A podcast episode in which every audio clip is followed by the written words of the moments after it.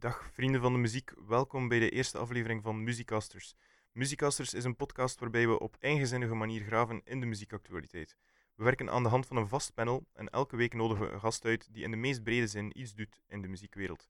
Samen met deze gast baggeren we door de muziekactualiteit van de afgelopen maand. Deze eerste aflevering werd live opgenomen op Signaalfestival in Brugge. Dit bleek voor ons al een heuse opgave, want de audiotechniek liet het in de eerste zeven minuten een beetje afweten, maar na wat sleutelwerk werd het euvel snel verholpen. Vrees dus niet bij het luisteren van de eerste minuten, de klank wordt ontzettend veel beter. Deze podcast werd mede mogelijk gemaakt door de steun van Jong Volk, Villa Bota en Cherry Picker Record Store.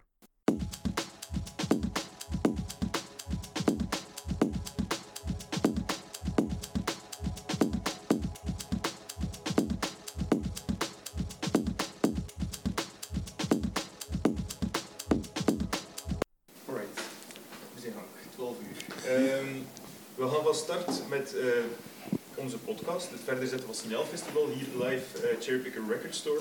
Ehm, het is de eerste keer dat we het doen, eh, dus we weten ook nog niet wat dat gaat geven. Het is meteen live, dus eh, hopelijk eh, loopt dat hier wat goed.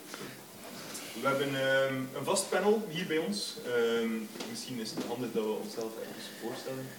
Tegenover mij eh, zit eh, Jesse Rizon. Eh, wie ben je, Jesse? Wie ben ik? Ehm, ja, eh, mede-eigenaar van eh, Cherry Picker Record Store, samen met Cedric. Al heel lang muziekliefhebber, vinylliefhebber. eh ja, dat is het zo in het kort. Ja, dat is goed, dat is kort als we Ja. Eh, mijn naam is uh, Rui. Ik ben hier eh eh, vriend aan huis, als ik dat mag zeggen. Eh, vooral bevriend met de... Ja, vooral na sluitingstijd. Eh, en eh, ook eh, ja, vrij grote muziekliefhebber. En Belpop en uh, Alex Carrier uh, expert ook. Wat expert, ja, weet ik niet. Ja. Liefhebber. Liefhebber, is dat. Van, fanatiekeling. Uh, Ja. dan, uh, daar, uh, een beetje achter ons, maar ik kan het niet zien op de stream, maar ik kan het straks misschien een keer verzetten via de computer. Ik ga straks een keer in beeld komen lopen, gewoon voor de vrouwelijke kijkers. Ah, dus. Ja, want we gaan het over serieuze mannen dingen hebben. Maar dus, eh, ja, ik ben Jasper, hè. Het is maar dat je het weet. Dat is Jasper. Jasper, je maakt zelf een podcast. hè? Ik maak podcasts. Nu, onze podcast heeft eigenlijk een, een, een vast concept. Wat dat we doen is met een, een vast panel een vrij eenzinnige selectie maken in het uh, muzieknieuws, dus de muziekactualiteit. Maar elke maand zullen we ook iemand uitnodigen die zijn licht laat schijnen op uh, de muzikale actualiteit vanuit zijn of haar, of het, wat hij moet zijn in deze tijd, Ehm, expertise. En uh, vandaag is dat Bert de Hoek. Welkom. Dank u, dank u. Ja, ik ben Bert de Hoek. Ehm, Proficiat, hè Bert? ja, merci, merci, merci. Met, met je Bert, Bert zijnde zijn. Ja, ja, ja. ehm, ja, Jasper had mij gevraagd of dat ik eh, twee uur wou komen praten over iets wat ik de laatste 12, 13 jaar gedaan heb. En dat is in de muziekindustrie gewerkt. En bij Eerst bij Sony Music, dan bij EMI. En daarna is EMI overgenomen door Warner en was ik plots een Warner Brother.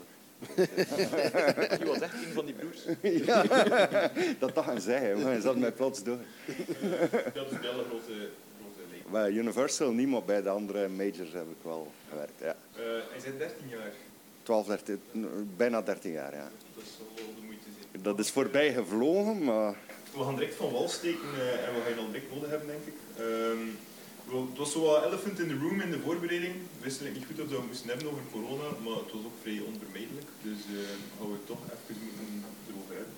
Um, maar wij merken bij ons dat er, dat er heel wat platen bijvoorbeeld uh, niet of te laat toekomen, dat er een hele interruption is in de supply chain.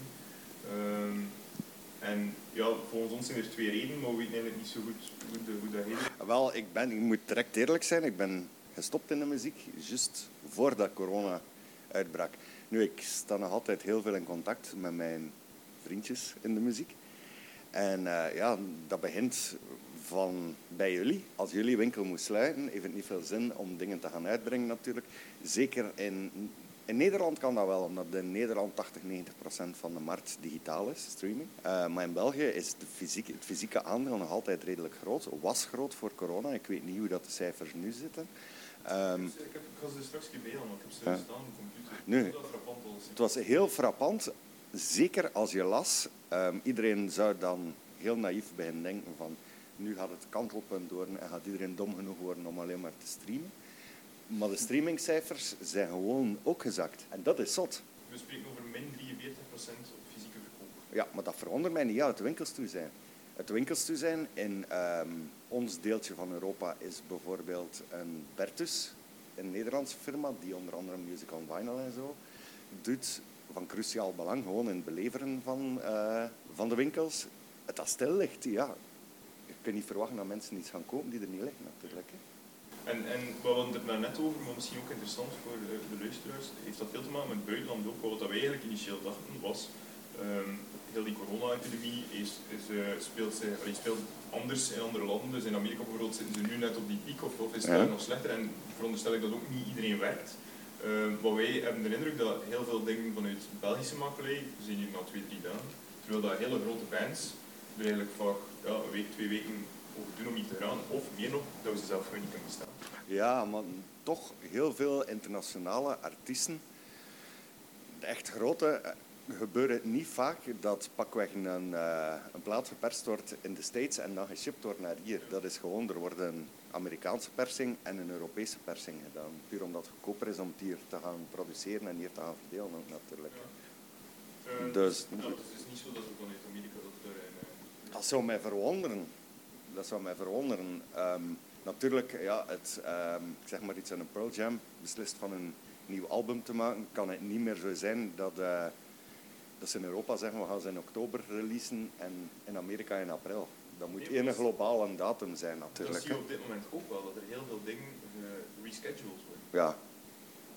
Wel productioneel, maar je moet ook zien in... Um, als er niemand weet dat een plaat uitkomt, kunnen ze beter niet uitbrengen. Hè. Dus als de media allemaal tribute shows zitten te doen en er is uh, oh arme, we moeten allemaal thuis zitten, radio, dan, uh, dan kun je zeggen wat je wilt, maar een nieuwe plaat gaat geen aandacht krijgen. Hè.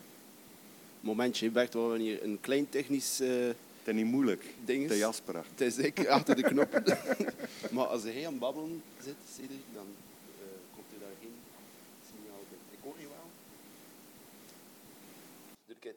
Nu gaan we wel horen. Ja, massa's. Knal, zegt hij. Voilà, dat is ook weer verhol. Uh, dat knippen we er dan wel uit. Hè. Voor de mensen live, het is jammer. Maar uh, volgende keer beter. Dat is live, dat is een live ervaring, hè, Bert? Voilà, dat is, voilà, dat is, voilà, dat is, voilà, Het kan al een keer fout gaan. Maar Bert ja, was goed hoorbaar, gelukkig. Dus. Gelukkig. Dus ja, beginnen we even opnieuw? Of? Nee, doe maar verder. Dat is toch niet echt interessant. nu, naast dat van die supply chain is er nog iets dat we misschien wel opbrengen dat minder obvious is, maar we hebben dat um, een paar maanden geleden hebben we dat een keer opgehaald.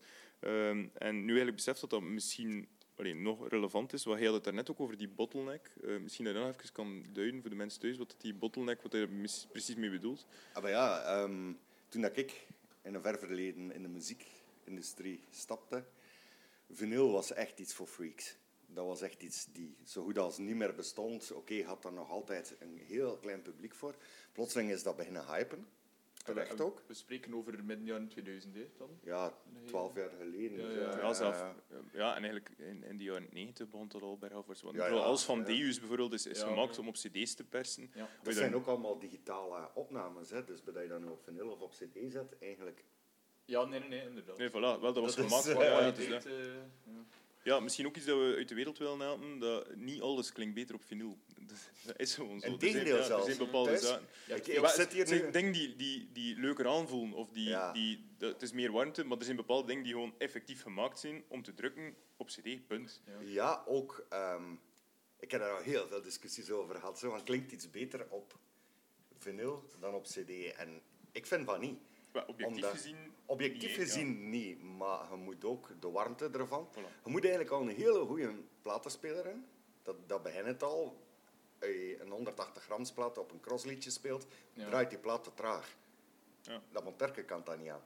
En, um, maar je moet dan al een perfecte naald hebben, met een analoge versterker, met analoge boxen. En ik wijs niet dat je er heel veel vindt. Hè. Nee. Dat is, en dat maakt ook voor mij op zich niet uit. Het feit van je plaat fysiek op te leggen, de gruttehoes erbij, heel het... Iedere 25 minuten of wat is een plaat moet nog draaien, is, heeft zijn charmes. Ik ben er Maar- actiever mee bezig. Het is niet zo'n Ja. gebruiksmiddel gelijk dat een nummer op Spotify op dit moment is. Dus, dus Nee, Spotify is gecomprimeerd en dat, eh, dat is goed voor in de auto. Ik, gebruik, ik zit op Apple Music, omdat ik dat, die kwaliteit van dat, dat is veel gelevelder. Bij Spotify moet ik constant in volume zitten draaien. Eh, Alhoewel dat er nu ook, dus, er zit nu ingebouwd. Ah, maar een ik, functie, ben, ik ben ja. overgestapt, dus ik weet het Ze hebben er nu niet een functie voor voorzien, dus je kan Ah, ja, dat wel aanvinken. Oké, maar ehm, een van mijn ehm, argumenten altijd om CD, ik ben een hele grote CD-liefhebber, ik koop ook nog altijd redelijk wat CD's, om als je bijvoorbeeld in klassieke muziek, ik ben nu geen grote klassieke muziek fan, maar dat is een goed voorbeeld, is stilte een heel groot wezenlijk onderdeel van de muziek. Op vinyl bestaat dat niet, Nee, stilte. dus digitale stilte op een cd is... Met digitale stilte is gewoon een stijl. Ja, is nul. Dus ehm, als je dat doortrekt naar andere dingen, kun je... Het is technisch perfecter, wat dat soms een beetje bevreemdend maakt voor naar te luisteren. Ik heb ook bijvoorbeeld de digitaal geremasterde Beatles-catalogus liggen thuis. Maar als ik thuis naar de Beatles wil luisteren, ga ik naar de oude platen van mijn pa luisteren. Puur omdat die kraksjes en de piepjes, die er eigenlijk niet horen in te zijn, dat ze wel op de juiste plaats Ja. zijn. En dat is je eigen gevoel bij die muziek. En ja, Ja, dat is een gevoel. Maar je hebt dan ook het, het type mensen dat dan ehm, pretendeert dat de, hun monoplaten allemaal veel beter klinken dan de nieuwe persingen. Ze klinken authentieker, dat wel. Ja. dat is een gevoel. hè. Ja, Maar dat is een ja, gevoel, zie je, dat is gevoelsmatig, maar objectief niet. Dat is, je hebt veel platen ook, die, die remastered van ehm, House of the Holy van Led Zeppelin. Dat, ik vind dat, dat, dat klinkt beter. Die remaster is Dat beter. klinkt Ja, beter. Het was ook Jimmy Page zelf die Ja, achter de voilà, knoppen dat zat. klinkt- maar, ja, maar, ja, maar goed. Maar er zijn heel veel puristen die gaan zeggen van niets van. Dat eh, moeten we niet van weten. Dat is niet origineel. Dat klinkt niet authentiek. Het is fake. En eh, het is, het is Ik heb zelf meegewerkt aan heel die eh aan die. remaster Ah, kijk. serie, want dat is al de platen zijn heruitgebracht. Ik heb dat zelf Jimmy Page horen over vertellen en dat is echt, die zat in de studio dag en nacht voor het, de perfectie eruit te krijgen. Dus ik had er zeker geen commentaar Nee. op gegeven op Ja. Jimmy Page die aan de, De- knoppen Ja, maar wij, allee, wij Maar vinden en dat ook beter Als klinkt er eigenlijk. nu iemand is die zegt van ik vind mijn exemplaar uit 82 veel beter, ja oké, ja, dat is voor hem toch veel beter. Ja. Ja, Weet je, dan moet je hem vooral daarna blijven Ja, luisteren. Eh, Bert, even, eh, ik, jij zei dat Jimmy Page bezig was om de perfectie eruit te krijgen. Eh, bedoel je dan dat hij eigenlijk vond dat de originele versie te afgelekt... Ik durf er vele, maar zelfs dat ik het niet durven vragen. Nee? nee, weet je, ik pijs dat zelfs een Led Zeppelin toen, die al gigantische budgetten had, ook altijd op eh, een paar grenzen botste in de studiotijd. Toen was gigantisch duur, nu ze gaan wel budget genoeg in. Maar ook gewoon, nu zijn de technische mogelijkheden gigantisch veel groter om, eh, om de originele opnames nog beter te kunnen laten klinken. Dus ik veronderstel van wel. En iedereen heeft in zijn leven al een keer iets gedaan of gezegd waarvan dat hij achteraf pijsde van ik had misschien toch beter anders gedaan. Ja, Dus dat is waarschijnlijk, die- ja. Maar dat je misschien is ook gewoon toen, die, je had gewoon de mogelijkheden niet. Dat je Ja, eigenlijk jezelf denkt van, shit, wat, dat er, ja, wat dat er nu kan, misschien moet ik dat nog een keer proberen. Of wil nog een keer Ik die heb ook eh, met maat, met Plant, gepraat. En eh, die vindt de remasters geweldig. Alleen zijn enige commentaar is dat Page het alleen gedaan heeft. ja. Dus je- de originele opnames zijn veel meer een compromis tussen de vier Led Zeppelins. Terwijl dat de remasters veel meer een Jimmy Page productie is. Ja. Dus daar zou die, die, die compromis, ja, ik kan ik mij voorstellen, dat zijn, dat zijn vier genieën. Maar iedereen had ook zijn eigen gedachten en dan moet, je- moet je ergens tot een compromis komen. En dat gaat altijd anders zijn dan dat er één iemand zijn hoesting mag doen. Hè. Vaak is het ook beter dat er dan één iemand effectief aan de knoppen zit om die ding te doen, dan dat je inderdaad met vier daar allemaal een rezegje laat doen. En Omdat dat, dat een compromis wordt. Dat is Ja, misschien nog slechter. Ja, dat, wel, wel een producer die had er durven gaan tegen... ja, maar dan Ja, ook de, al. de producer... Dat is, en dat is ook altijd heel gevaarlijk. En een artiest zegt van, ik kan mijn productie zelf doen. Want als je in de studio zit met eh, een producer, is dat ook een sturende kracht in de studio. Van, pas daarmee op of pas daarmee op. Het, eh, of probeer het een keer op die manier, want En- ze zitten in een tunnelvisie op een Ja, hij eigenlijk eh, in je jaren bij die, bij die plaatmaatschappijen vaak ook in de studio geweest op de momenten dat ze opnames deden. Ja, En- en, ik was er eigenlijk juist over aan het pijzen. Ja. Ik, eh, een van de plannen waar ik nog altijd heel trots op ben, dat ik er mogen aan helpen commercialiseren, hè, hoe Ja. dat, is eh, de plaat van Ramon. Mo, wie is De- dat? Ah, wie is dat? Is dat die dat, dat de Kendrick Lamar geholpen heeft?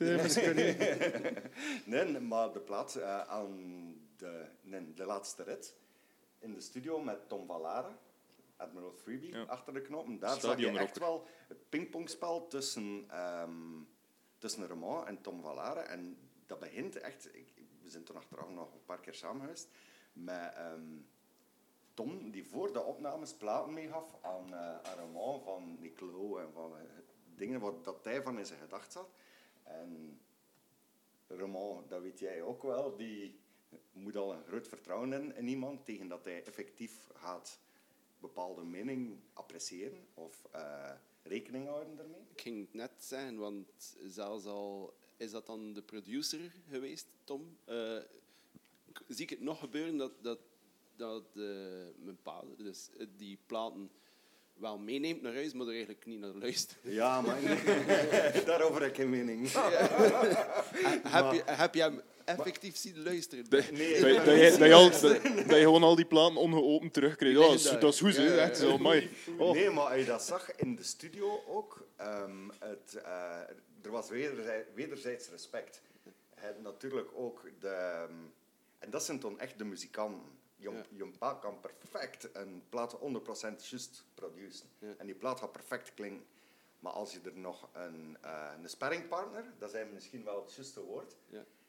dan til je het naar een hoger niveau, volgens mij, omdat je de artiest zelf uit zijn tunnelvisie van hoe dat die klank, plaat moet klinken, en ga je um, een Wouter van Bella bijvoorbeeld, die Fantastisch, die gigantisch goede producer is, die uh, als je er een keer met je moeite in doet, kun je zelfs een typische Wouter van Bella plaat gaan herkennen. Mhm. Maar doordat hij eigenlijk een stuk onderdeel van de groep wordt. Nog serieus eh, in spel gelegen met Luc de Vos ook, hè. Op Ja, eh, het produceren van de eerste platen. Ook Ja. op, pure identiteit, hè. Ja, Eh, ja, ja. allebei een het- heel het uitgesproken mening. eh, verhaal van Mia. Ja, ah Mia was een half punknummer. Hè. Ja. En Maar ja, half. Het was, al- Het was een ja. punknummer. en eh, ja, het is ja, dus wel de verhaal van wie de- dat dan de drummer buiten gebonjourd ja, ook. Ja, bon- ja. Maar hier, ehm, een van de redenen waarom dat, je, dat ik die plaat hieruit gehaald heb. ehm, ik heb ook in de studio gezeten met de fenomenaal goede Roland van Kampenhout. Op de plaats eh, Newfound Sacred Ground. Ik denk dat we mee hebben. Dus zo straks te draaien in de belpop zit. Dus, Fantastisch onderschat album. Manneke, dat is een goede totaal geflopt ook in verkoop, Ja, ja, dat kan aan mij gelegen. maar hey, dat is- ik zat in de studio met eh, Mauro, met Roland, de gasten van de Black Box Revelation en Rena Riot. Ja, die toen nog niet bekend was. Wellicht. En, eh, Nee, nee, Nee, dat, was nog nog voor niet, haar ja. eerste plaat, want op de CD. we spreken nu over, denk ik, vier, vier, vijf jaar geleden, niet? Of nog zelfs nog langer. nog langer, want dat was Arena ja, Riot pakt twee, drie jaar geleden dat dat begon. Ja, want pa was nog op de steevoorstelling, dus dat gaat Ja, kijk. eh, nog... Het had iets langer geleden zijn. Maar je dat ziet, de goed lasse, maar legendarisch eh, kalme Roland kreeg wel energie van Mauro.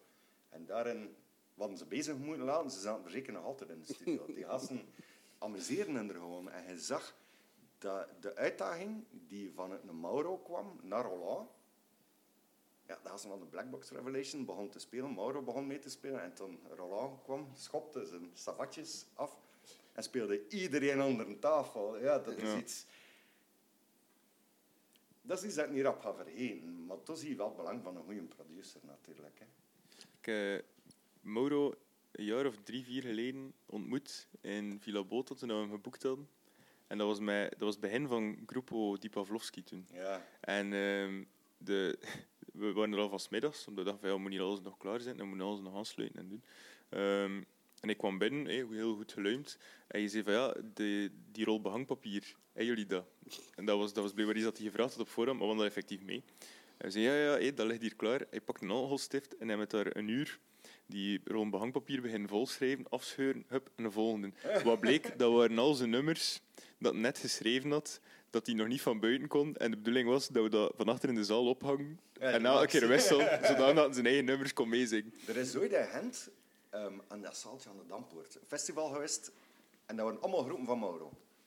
Niet een achterna. Ja.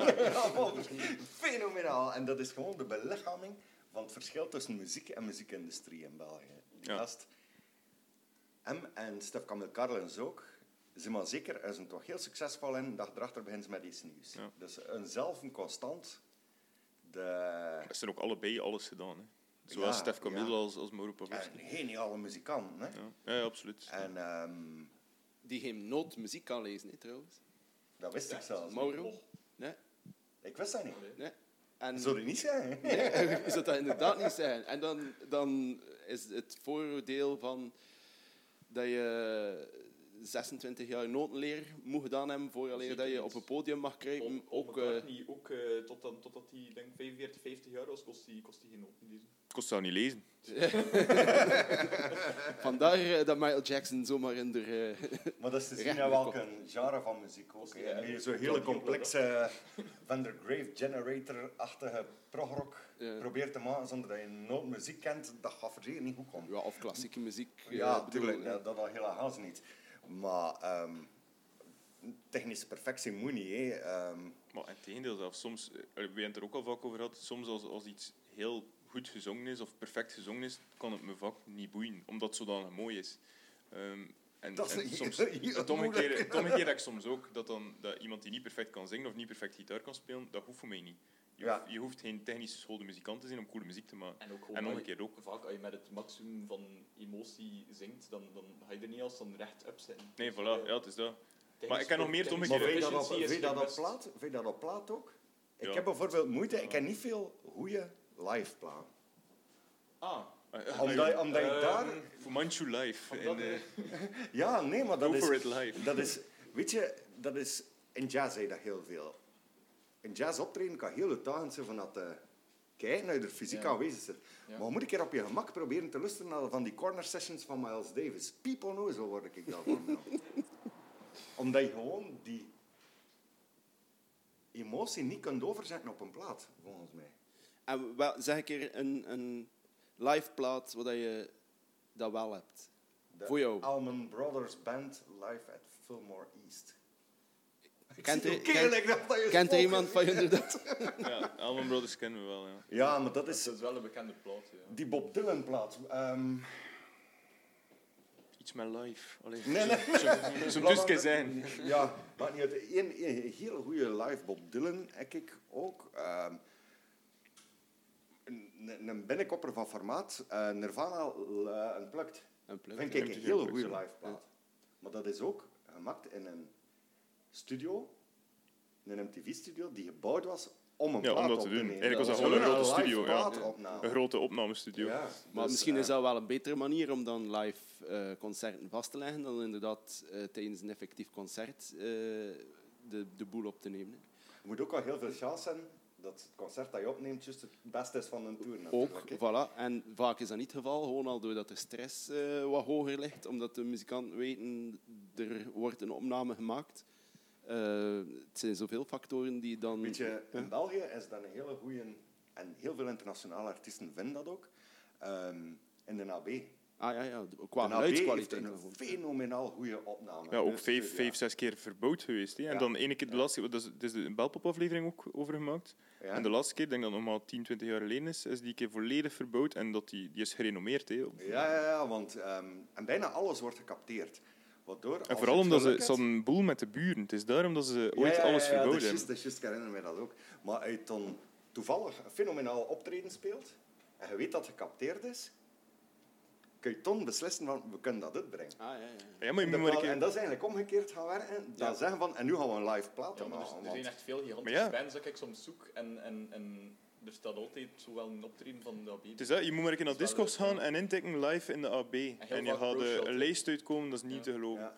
Ik heb nog een eh cd'tje uitgebracht met eh, de Humo van de eerste passage van eh, Kings of Leon. Ja. En dat was eh, toen dat Kings of Leon, ja, dat was, ik was toen verantwoordelijk ook voor zo de niet-traditionele verkoopskanaal. De cd's via de Hallemaal of via de Humo of via het laatste nieuws dat zo verkopen. En een collega, een hele goede maat van mij, Christophe, kwam af van... Weet hij dat er in Amerika een plaat bestaat van de Kings of Leon, Day Old Belgian Blues.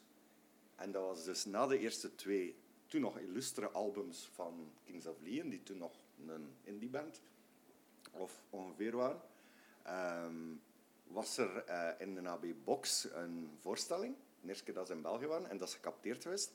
En dat is op CD uitgekomen in Amerika. Dus dat is gewoon uit de AB en ook gewoon toevallig van. eh, dat was een toffe showcase, dus we kunnen daar op CD zijn. Dus ook weer die omgekeerde manieren van werken. Van, eh, er ook heel veel platen die wat als ze hun een hele tour capteren en tot de beste moment naar elkaar plakken. Ja, ja, een soort compilatie Sommige, maken van... eh, sommige ja. liveplaten is dat zelfs gênant, omdat een applaus ook een bepaalde klankkleur heeft. En hoor gewoon op het begin van de plaat is een ander applaus dan Ja, applaus. eh, Jack White deed dat eh, op zijn laatste paar tournees altijd. Je mocht niets van gsm's bij bij binnenkomen en je mocht niets filmen. En dan achteraf capteerde je elke show en ProShot kon je hem terug downloaden. Dan. Oh, wow. wel cool. Ah ja, oké. Ah, eigenlijk als compromis. Omdat hij zo tegen het, Ja. eh, het eh, live filmen is van... eh, Maar ja, maar tegenwoordig is het zo Dat mensen meer naar hun gsm Ja, dat je eigenlijk, eigenlijk dan, gewoon eh, niet gezien hebt wat je net gezien hebt. Ja, wel. Maar je kan het wel ook- achteraf bekijken. Dat kan je dan wel. Dat was ook een van de fenomenale ideeën van, eh, van bepaalde tourmanagers. Dat ze ehm, iedere show capteerden en dat je op de show zelf kon intekenen voor dus dat concert tot een paar weken later op cd in een brievenbus te krijgen. Ja, ja, Ik heb zo een liveplaat van de Pixies, van een vorst waar dat ik was, bijvoorbeeld. Ik heb er drie keer naar geluisterd en je ligt daar. Maar het is wel redelijk uniek. Het is je hebt hem wel. Stuk. ja. Ja, maar het, ja, waarom kop je muziek van ten of van dat te luisteren? Ja, nee. sommige is- beide. Ja, ja, van mij is dat ook zo. Zeg. Ik heb heel veel platen liggen waar ik heel trots op ben dat ik zeg, ik heb ze nog nooit belusterd. Zit nog het plastiekje. Ja, ja, ja, ja, ja. Dus ja, het... Maar een live plaat is iets dubbels. Hè. Ja, zo, het is eh, voer voor discussie. Ja, Eh, ja, maar ja, ik was, ik was al bang dat we het gingen hebben over dingen in plastic en eh, of dat je dat mag doen of niet. Want dan zitten we hier morgen nog waarschijnlijk. Ja. Maar- weet je, ja, je hebt ook maar 24 uur op een dag. Soms vergeet ik ook gewoon dat het toch gekocht heb. Ja, Ja, ja, zo, je komt dan in een plaatwinkel de volgende keer. En je weet dan nu of ik niet, dat ja. nu of niet? Ja, ja, ja. Ja. En daarvoor is Discogs wel heel handig. Dat je gewoon collectie kunt checken en dan eh, Ja, ik ben daaraan begonnen voor, dat, voor mijn collectie daarin te steken. Maar, nooit afgewerkt.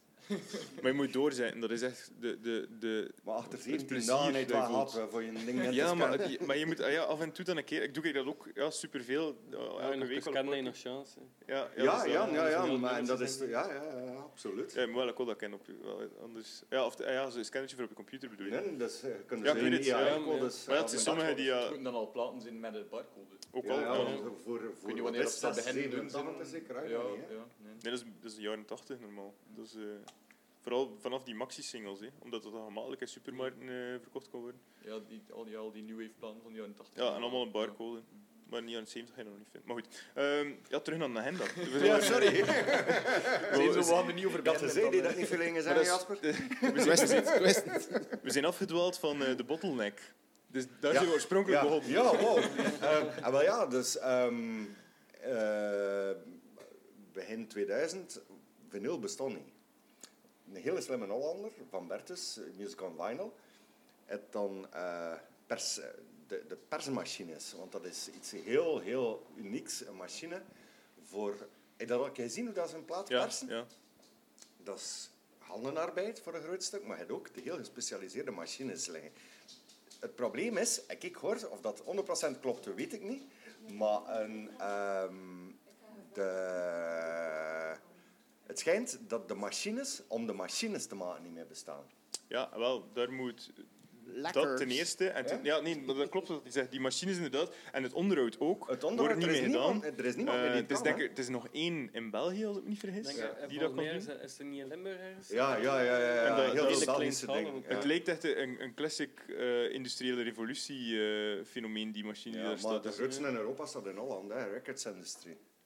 Of zoiets, iets die erop lijkt. En, maar natuurlijk, ja, dat er maar zo weinig ehm perserijen zijn en iedereen wil vinyl. Ja, eh, weet je, eerst komt het grote geld, gelijk in iedere industrie natuurlijk. Dat is, de Universal zegt tegen die fabriek van we gaan hier op jaarbasis 17 miljoen platen persen, maar wij moeten wel op de eerste plaats komen.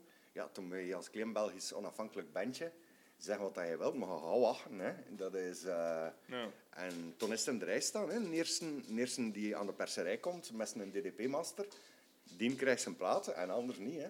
Maar is het dan, dat is afhankelijk van je oplage dan? Iedereen wil zijn platen uitbrengen in oktober, november, omdat Ja, altijd de iedereen het dom idee heeft dat er toch meer platen verkocht worden. Goede muziek verkoopt heel het jaar door, volgens mij. Maar, Wel, dat eh, en het festivalseizoen. Hè. en het festivalseizoen, ja. En, ehm, zeker in België dan toch? In die periode wil persen, dan ja.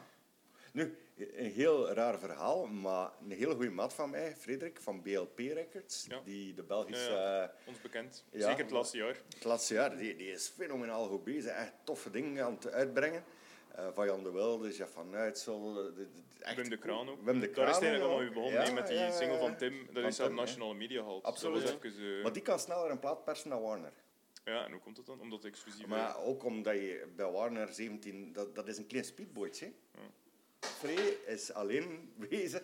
En ehm, bij Warner zit je op een tanker en je moet gewoon de supply chain volgen. En eh, daar duurt dat soms twee, drie maanden tegen dat er een plaat komt. Ja. Wel, maar nu zal er blijkbaar niet op verbeteren. Ehm, want Jess heeft dat wel opgevist. Ehm, een enorm probleem met het allemaal. Dus voordat je een plaat, maar misschien kan je dat beter uitleggen. Ja, ehm, het gaat dus om de, de, ja, de, de, de mal eigenlijk van de, van de plaat waar je je masterplaat mee maakt, de Lekkers. De lekkers, ja. Eh, in eh, februari was er een, eh, een brand in het bedrijf Apollo Ja. in Californië. Juist. en die produceren 80% van de lekkers ter wereld. Dus dat is, ja, dat is enorm problematisch natuurlijk. Ja. En dat, ja, dat doet de vraag een beetje reizen van, dat, dat vinyl wel heel in, ja, enorm afhankelijk is van bepaalde bedrijven. Ja. Juist omdat het zo lang niet populair is geweest. En eh, we zitten nu met ja, twee bedrijven dat nog lekkers maken. Apollo, dat nu dus Misschien moet. Elon, Musk En- even wil beginnen maken. Ja, nog veel rapper aan Wat trappen van. Dat, dat Nee, had, maar dat had kom. hij die vinyl in, in, in een ruit Volgens mij dan wordt- ik, ik stel me, ik, ben, ik ben altijd nogal wantrouwig ten opzichte van alles. En je niet uitleggen dat ze in twee, twee jaar de ruimte in schieten, maar dat ze niet meer in staat zijn van een vinylpers te maken. Maar ja, maar datzelfde. aan, na, de, na, de, Dat is- na de Tweede Wereldoorlog had je hetzelfde met bijvoorbeeld die vliegdekschepen. Er was een gigantisch grote oorlogsindustrie. Ze maken vliegdekschepen. En 10, 20 jaar na de Tweede Wereldoorlog is er geen mens die nog weet hoe dat ze dat moeten in elkaar steken. Gewoon omdat ze, die, Maar- die urgency is er niet. Die Ja. plannen zijn er niet meer. Maar je En- moet ook rekening houden, vinyl staat maar voor 2-3 procent van de omzet binnen een platenfirma. Ja. Dus hoe groot is de urgency voor hen? Het is veel belangrijker nu voor zeker die majors om eh, de invloed op hun streamingdiensten te hebben dan om een vinylperserij te gaan maken. Vinyl dat is allemaal heel schoon, maar dat wordt eigenlijk bijna als een Ja, promomiddel. Je hebt echt... Je hebt echt eh, je hebt Ja, maar ja, pas op, promo, dat is ook wel... Dat is, dat, is, dat is misschien geen directe, maar dat is dan ook wel indirecte inkomst. Maar tuurlijk, tuurlijk, Dus- tuurlijk. Het, is, het is niet onbelangrijk. Als, als, een band, als een band bijvoorbeeld hun album promoot, is dat altijd met een vinyl in een poot. Tuurlijk. Altijd. Maar dat is omdat de grotere oppervlakte van je tv-scherm... Ja, maar omdat je, omdat je artwork ook gemaakt is voor die vinyl. En dat is, dat is het frappante, denk ik, aan heel, heel dat verhaal van die lekkers, dat je eigenlijk met een industrie zit met een heel loyaal publiek, waar dat er eh, allee, stevast in gekocht wordt, maar dat dat eigenlijk gedragen wordt door, ja, door, door twee rotte staketsels die, die eigenlijk dreigen in te storen. En dat dat, dat dan technologie is van 50 jaar oud en dat er eigenlijk niemand weet dat dat een heel, heel, heel precaire industrie is op dit moment. Absoluut, absoluut. En, ehm, maar wat ik te zeggen, van, hoe groot is de nood? Om te Voor- innoveren. Ja, voilà. En het is wat voor- hij zegt, maar we kunnen mensen de ruimte inschieten, maar wat is, wat is de economische nood? De- er is geen economische nood, voilà. Want ehm, een Warner, Sony, al de grote gaan in een tijd steken in het verder laten evolueren van streaming. Ja. Je hebt daar een paar van die kwieten die bezig zijn nog altijd met vinyl, maar dat wordt het onderdeel van een... Want een vinyl is ook niet zo winstgevend. Hè. Je, Nee, de productiekost is vrij groot, De productiekost is gigantisch natuurlijk. Procentueel, als je dat vergelijkt met andere dingen, zelfs met cd en zo, is dat, is dat heel duur. Dus... Maar cd's is- leggen er straat mee op dit moment. Oh, soms de inkoopprijzen zien We verkopen nu geen cd's, maar dat is, Ja. dat is, die marges daarop zijn eigenlijk belachelijk hoog. Ja, Dat is, dat is Ja. ongelooflijk. Nee, maar voor die vinyl ga je van die mensen nodig hebben, gelijk een Jack White die dat ja, niet Ja. alleen doet. Uit, hij had ook wel commerciële doeleinden natuurlijk. Maar eh, die doet dat vooral gewoon uit liefhebberij. En dat is dan de enige die nu nog effectief een, vinyl... Ja, maar die heeft gewoon zijn eigen chain opgezet. ja, Ja. die- ja, wel. Ja. Hij had er ook wel de mogelijkheid toen natuurlijk. Ja. Ja, ja, maar ja. Ja, maar goed, het kan dus wel nog. hè. Het, het kan zeker, Want maar ik misschien denk, om ik denk niet dat dat het meest efficiënte gebruik van zijn geld is. Hij doet dat gewoon nee, uit nee, ja, ja, ja, je zou beter investeren of zo. En het zal niet in platen zijn dan. Maar ehm, om terug te komen op die lekkers, het is, er, is wel, er is wel een mogelijkheid nog. Hè. Stel dat bijvoorbeeld de lekkers zoals ze bestaan. Eh, Dat bedrijf, als ik het nu goed begrepen heb, is wel terug begonnen met, de, met het heropbouwen van hun, ehm, van hun eh, Fabriek. ja, ma- machines en, eh, Ja, fabriek. een lekker maar- volgens mij is dat zelfs zo moeilijk niet. Dat is gewoon de negatief van je platen. Ja, maar die, Ja. het, is, het zijn die, het zijn die machines. nee, ik, zie altijd ja. alles veel eenvoudiger dan dat is, hè, maar... Maar het zijn die ehm, machines blijkbaar. Het is vooral, want dat wij, ik denk dat je het ook gezien hebt in die Belpop-aflevering, Roei, het, het is het onderhoud. Er is geen mens Ah, ja, die ja, die machines nog Ja. kent. Het is wat ik zei met die vliegdekschepen. Er is gewoon geen mens die weet hoe die machines nog werken. En laat staan dat er mensen staan te springen om die opleiding te volgen, als er al een opleiding is. Want En zelfs als je de machine kent, de onderdelen zijn er gewoon niet meer. Ja, Dus ook al. Ja. Je zelf moest al gaan beginnen 3D-printen of zo. Dus, dus dat, dat, dat kost waarschijnlijk stukken van mensen om, om zo'n machine Ja. terug, terug in gang te zien. Ja, het is één hè, in België, één. Ja, en als je binnenkomt in dat depot, is dat, het is precies of dat je in de film van Daans terechtkomt. Ja. Dus, echt, ja, zo van die op stoom aangedreven machines. Ja, maar dat, dat... Het is ook een redelijk oud medium natuurlijk. hè. Ja. Dat is... En eh, er, is ook, er is ook een alternatief. hè. Ja, er is wel innovatie. Eh, dat is er wel. Hè. Direct metal mastering, dat is direct eigenlijk in je, in je koperen plaat gaan eh, snijden. Maar eh, ja, je hebt dan mensen die zeggen dat dat, dat hogere frequenties geeft. En dat is dan ja, minder geschikt voor, voor dance en basgedreven muziek. ja, en, Maar eigenlijk, eh, ja, stoner metal eigenlijk ook. Alles Ja, dat iets, iets dieper ja. Maar het, het probleem daar is dan weer, en dan komen we terug op die discussie van bijvoorbeeld die remastering. De, wie koopt er vinyl? Dat zijn meestal puristen. Hè. Mensen die, die, die de belevenis willen en die de, de, de outmost experience willen. Ja. Maar dat zijn dan misschien de mensen die bij die direct metal mastering gaan zeggen van ja, maar hier stopt het voor mij. Als ze er beginnen, gaan beginnen mee mossen met de... Ja. Ja, maar ook doet Want dat zijn bijvoorbeeld- digi- wat doet er wordt- met die digitale er wordt opnames? het Ah, ja, maar jaren er zijn, er 90, zijn dat superveel is- mensen die hier, binnen, die hier binnenkomen en die bijvoorbeeld zo'n House of the Holy, die, die gaan zeggen van nee, nee, dat koop ik niet, want dat, dat, dat klinkt totaal niet alsof de, Maar zoals is dat, dat, zeggen ze dat dan om interessant te liggen? of Tuurlijk, tuurlijk, dat- tuurlijk.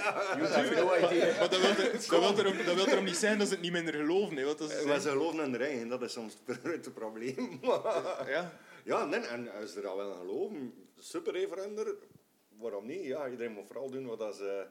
ja, maar dat, Dat elitaristische zit er wel nog steeds een beetje in. En ik denk dat met zo'n direct metal eh er, mastering, Direct metal mastering. dat dat, dat dat voor veel mensen een stap te ver gaat zijn. Ja, en, en die machines zijn ook enorm moeilijk te onderhouden, omdat ja, die sneekoppen gaan alle stappen kapot, omdat dat... Ja, Want het is modern. Het is modern, dat ze wel niet. Dus nog de vraag twee jaar moet je nieuw af, kopen. Van En het- al die puristen, hoeveel, als je niet zegt dat, een, dat ze eh, op die manier Ja, geproduceerd is, ja. wie gaat er jong? Dat is... Ja, wat ze luisteren hem dan thuis met een JBL Flip Ah, op, maar dat op is- Bluetooth, op een Crosby met, met, ja, met zo'n eh, met zo'n koffertje, of zo, met eigen boxjes. Ja, dat is een crossley-spel, ja. Maar ja, dat is... En, en, maar ja, iedereen moet vooral doen wat ze zelf een goesting hebben, hè. Maar... eh, Nog een, eh, nog een grappig weetje ook over eh, ja, onefficiëntie en zo. Het, het feit dat het allemaal in de handen is van een paar bedrijven. In de VS is er een, eh, één groot distributiebedrijf, Direct Shot Distribution. ja.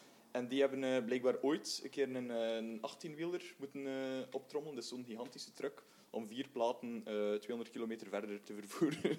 Dat verhaal schreeuwt ook Amerika. Hè. ja, En waarom? Eh, geen idee, maar dat moest, dat moest met een truck gebeuren blijkbaar. Dat stond in het contract. En, Ja, ah, ja, ja, het maar, Maar zo, ja. zo gaan die gasten dus te werk. Allee, En om, de, om- de vinylindustrie is al ecologisch moeilijk te verantwoorden. Ja. En dat je dat- Ja, pas op. Zo- We hebben het er al maar over gehad. is hè. een- Dat is, een, dat is een heel moeilijke Ja, maar nee, ze hebben dat becijferd en het, eh, je had een vinyl. Hetgeen wat dat ze, ze er enkel rekening mee in, met, het, met het, eh, het maken ervan, in, in wat dat hij nu zegt. Maar uiteindelijk, je had een vinyl langer houden, je had hem meer spelen.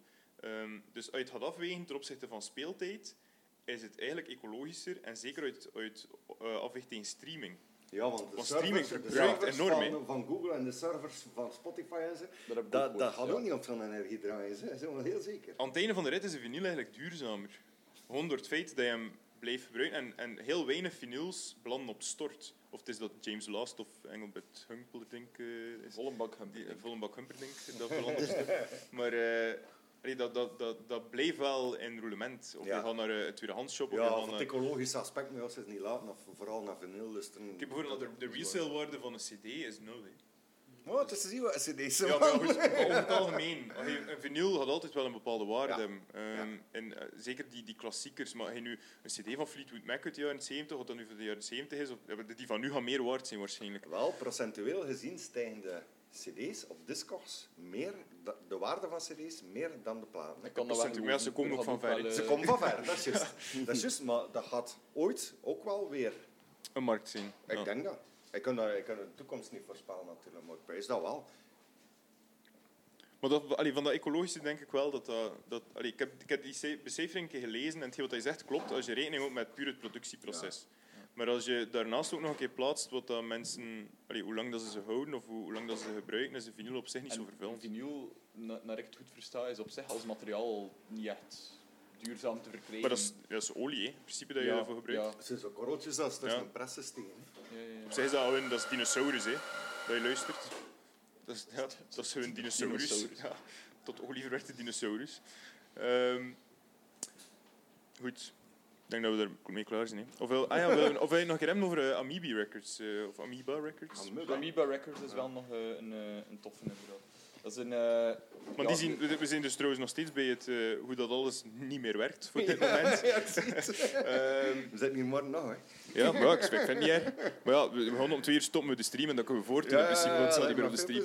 Ehm, Wel, maar- Amoeba, dat is ja, een eh spijtig verhaal eigenlijk. Eh, dat is een plaatwinkel origineel van San Francisco. Ze hebben in begin jaren 2000 een tweede locatie geopend op, de, op Sunset Boulevard. De, de place to be voor de, om kook te snuiven met Keith Richards. In de, in de jaren zo, 60 zoals en iedereen 70. die ooit in Amerika is geweest. Ehm, maar die gaan, die gaan nu dus verhuizen. Eh, ze gingen dat sowieso al doen, maar het is ook deels door corona. En eh, ja, die in LA is de grootste plaatwinkel qua oppervlakte ter wereld, naar ik versta. Ehm, Ja, Dat dat is is, zeer spijtig. Het is heel legendarisch, die hoek en die, die, die pilaar zo. eh, ja. ja, en ook gewoon eh, de, en YouTube en die filmpjes. Dat is gewoon een fenomeen. hè, twee, die, twee legendarische platenwinkels. En dat is die Amoeba in eh, LA en Tower Records in Tokyo. Hè. ja, Ja, daar zijn je ook geweest. Ben- maar ben en beide zijn geweest. hè, geweest. Ja. Ah, ja, ja, maar dat is ook zo'n hele. Dat is... dat is zot. Die hebben eh, zeven verdiepingen. ja, dat is ja, echt, ik eh, ben er nooit geweest, maar... Het, En het is allemaal een genre per verdieping. Het is wel eh, het is, het is uniek, ja. Helemaal anders dan dat we hier gewend zijn. Ja, nu, ja, dat is een beetje economische realiteit, zeker dat ze er... Uiteraard. En Dat is heel jammer. Maar, Maar ja. die, die, die, allee, ja, die deden heel veel, ook juist wij, op, de- op de manier dat je het nu moet doen. Die verkochten ook t-shirts en al, die deden mee aan die merchandising. Wat, dat, wat dat je nu ook moet doen. ja, het was wel een heel tendentieuze titel. Hè. Wat dat we gelezen hadden, wat Amoeba verhuisd door corona. ja, Ja, ergens wel, maar ze ging sowieso verhuizen. Dat is misschien wel, moet er wel bij zijn, ze ging het sowieso doen. Eh, het is gewoon de, stroomversnelling lo- de locatie wordt kleiner en het is, het is gewoon jammer, want dat is, dat is, gelijk hij zegt, wel Het is vrij iconisch, hè. En dat, ja. is, dat zijn zo van die ehm, emotionele momenten. Zo van, Ja, ja. Maar ja, hij had ook nog die in, eh, hoe noemt dat weer? In Moeskroen? Eh, Super Disco, denk ik. Ja, kan wel. noemt. Dat is Zoals 70s kind of bar. Zo. ja, en, ja, eh, want dat ding heeft een mega grote band gespeeld. Ja, ja, ja. ja, Ja, maar was het, het, eh, de place to be in Ja, die jaar. jaren, De eh, Kings, 60 eh, en dan speelt Jimi Hendrix, eh, ja. Madonna, ehm, dat is heel waar, maar iedereen gelooft dat wel. En, eh, maar die staat nu eh, te koop. Ja, al een tijdje, al een jaar of... Ja, ik ben, Dat is heel lang. Dat is En, op de foto's, maar ik weet niet of dat echt is, maar ik is al een keer hoe staat voor een afspraak te maken, voor een keer te gaan kijken. Maar op de foto's is het like, het interieur like, of dat het nog vroeger is.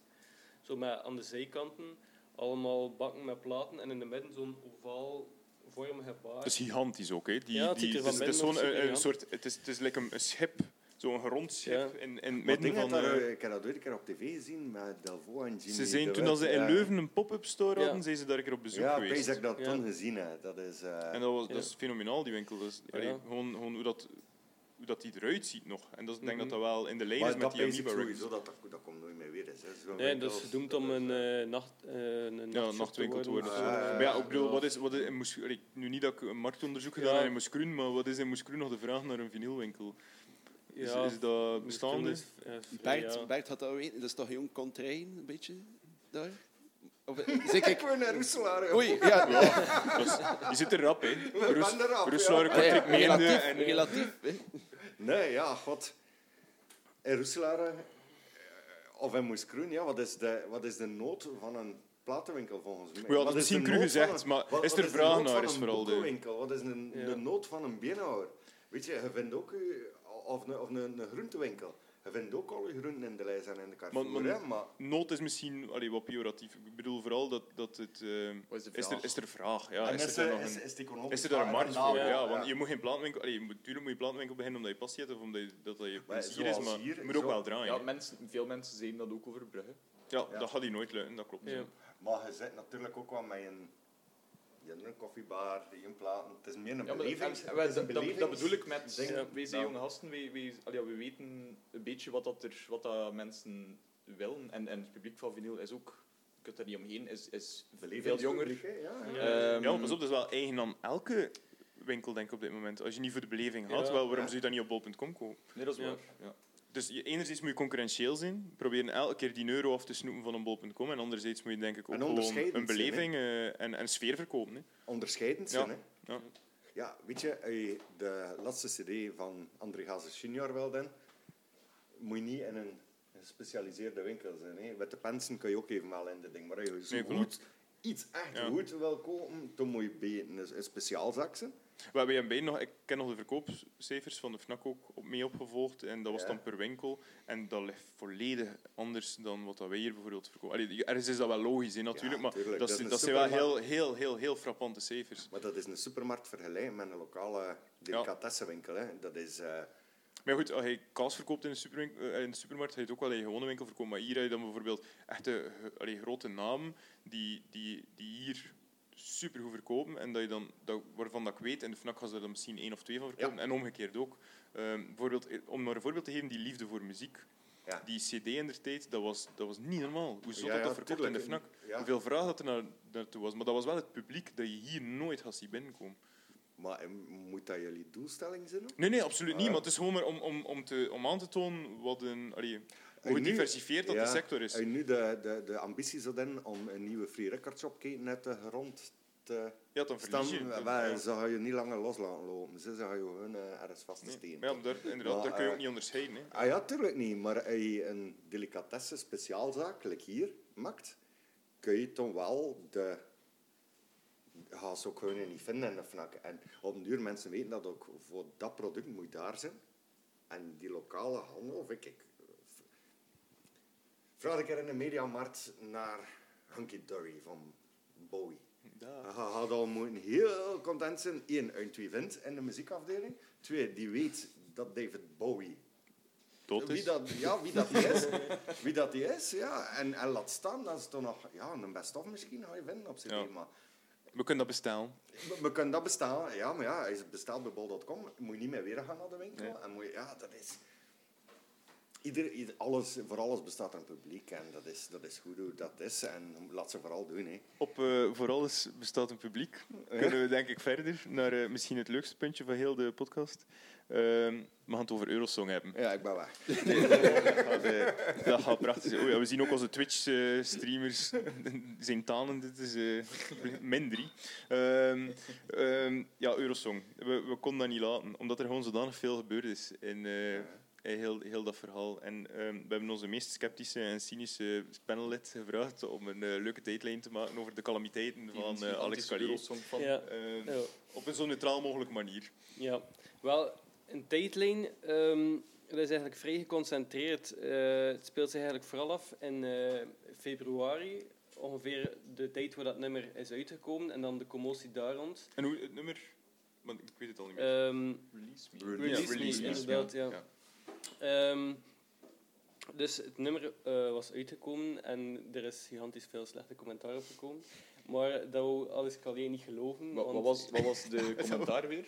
Dat wou Alex zijn. Callier niet geloven. Ja, maar hij zei ja, eh, of het was de gitarist die zei van ja, we zijn nu al 25 jaar bezig en we hebben al zoveel slechte commentaar gehad, maar ja, we staan er nog altijd. En je hebt dat wel gelijk hè. Ja, oké, maar. Ja, op maar goed, welke dat wil manier- niet zeggen dat je vrijgeleid hebt om alles te Ja. maken dat je wil. hè. En op welke manier staan ze nog? Also, de eerste drie platen van Hoefronic kan ik ook wel nog maken, maar daarna. Voor hetzelfde geld is ze nu al twee keer van zangeres gewisseld tijdens dat we met die podcast bezig zijn. Ja. Je weet het niet, hè? Kan ook. Eh, Alex Callier is een hele goede vakman. Hij Ja, ja, heeft een sowieso. bepaalde Ja, maar formule hij- waarin dat hij zijn nummers maakt. En ik heb daar respect voor, of dat ik het herinner, dat is compleet compleet irrelevant. Maar het is wel ideaal podcastmateriaal. Ja, ja, ja. ja. Dus, uh, maar ik word uh, aan het onderbreken, sorry. Wel ja, um, dus hij heeft dan ook uh, uitspraken gedaan, um, omdat Patje Crimson zei... Ah, ja, dat, juist. Uh, juist. Was dat, in, in, uh, dat was op één zeker, hè? Was ja, ik denk dat het vandaag was of zo. met Danira Boek. Ja, inderdaad. Um, dat Pat Crimson heeft gezegd dat hij te weinig ballen had, het nummer. en dan had hij gezegd ja, dat het nummer van She's After My Piano, dat dat dan wel ballen of zo. Um, ja, ja, dat was de repliek daarop. Dus ja, ja, dat was de repliek. Dus ja. En um, hij heeft, eigenlijk was het niet de bedoeling dat ze dat nummer gingen uitbrengen. Maar ze hadden een ander nummer uh, geschreven. Ze hadden vier nummers geschreven of zo. En ze hadden dat allemaal voorgesteld aan de VRT, die dan moest kiezen welk nummer dat was. En eigenlijk als een soort ode gemaakt aan ABBA zijn ze. Dat was een, dat was een ode aan ABBA? Nee, nee dat ah, nee, okay. niet. Maar ze hadden het eerste nummer dat ze wouden, eigenlijk uh, de voorkeur van de vier songs, uh, was eigenlijk, uh, hij zei, volgens Alex Carlier, was een ode aan ABBA. Dan had de VRT gezegd van ja, misschien moet je nog verder, verder schrijven. Ja, ze hadden vier songs gemaakt en de keuze viel op de ode aan ABBA. Dat was ja, hun keuze, he, de, de keuze van Hooverphonic, dat was hun favoriet. Ja. maar dan hebben ze verder geschreven en dan zijn ze uitgekomen bij dat nummer.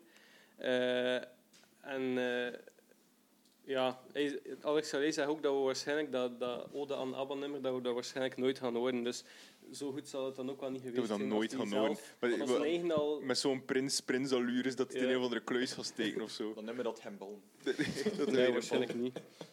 Uh, en dan, dat was zo bij de commotie rond, uh, rond het uitkomen van het nummer.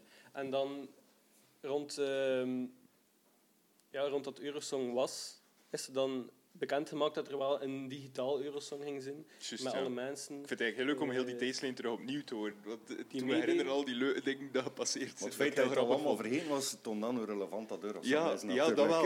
maar het is, dat, het is, dat is toch gigantisch grappig, hoe dat, dat zich afgespeeld heeft en hoe dat Alex Carrier meedoet aan Eurosong als, als okay, je kunt erover discussiëren, maar respectabele muzikant, mm. voor dan eigenlijk zijn eigen prestatie als Eurosong kandidaat in belachelijk uit te trekken door eigenlijk heel dat, heel dat festival te kakken te zijn. Ja, ja, ja omdat hij toch niet wilde meedoen met, ja. dat, met dat... Ja, ik denk dat dat is dat je, dat je op doel uh, Love Shiny Light nummer, zo'n cover ja. met alle ja, artiesten. van Katrina and the Waves, ja. fucking hell. Uh, en dan had hij gewoon gezegd eigenlijk, de reden waarom hij niet meedeed aan de nummer was dat het gewoon een gigantisch kutnummer was. heeft hij letterlijk heeft gezegd? Heeft gezegd, letterlijk en gezegd. heeft hem daarna wel naar zijn meningen bij genuanceerd. Dat was omdat hij vond dat de opbrengst van de nummer naar een goed doel moest gaan. En omdat hij op voorhand niet getekend had voor zoiets en eigenlijk enkel maar getekend had voor mee te doen aan het Eurosong. Ah ja, veel geluk. Uh, ja. Ja, maar ja, goed. Ja, eerlijk. tuurlijk, maar de manier waarop is... Je doet mee aan Eurosong, hè. Je zit niet in de ja. afspraak of in ter zaak of nee. zo voor je mening wat je toe te leggen. aan Eurosong, het is moet je Eurosong. dan ook wel moet je meedoen met dat circus. Ja, voilà. En dan, En eigenlijk ja. moet je dan Patje Crimson gelijk geven. Maar tuurlijk. En meer keuren voor Tuurlijk. Eurosong te winnen Ja, dan ja. Alex Callier. Alex Ja. Callier is volgens mij puur muzikaal. Een groter talent. Ja, Maar-. Ja, dat is- maar Eurosong al lang niet meer de liedjeswedstrijd dan dat het Maar ja, het was. is, het circus van de 70. slechte smaak. Dat is Ja. wat dat Alex Carrier... En dat, dat klopt, hè. hij heeft letterlijk gezegd... eh, Eurosong is het circus van de slechte smaak. Of het festival van de slechte smaak, liever. Ja. En dat klopt, maar waarom doe je dat mee? Ja, dus waarom stemt hij er dan mee in? Maar ja, ja. En dat Patje Crimson is misschien wel... Het, moesten we de dag van vandaag nog standbeelden bouwen, wat we jammer genoeg niet meer doen, dan zou Patje Crimson wel echt een standbeeld krijgen als, als voorzitter van het Festival van de Slechte Smaak. Want hij is daar, hij is daar king in. Ja. En dat is, niet, dat, is, dat is geen waardoordeel, hè, want dat, is- dat, is- ja, dat, is, dat heeft ook zijn markt. Maar die, die She's After My Piano, ik ken dat dus niet lijn of Ik zeg wel wel. Ik zou niet op vinyl.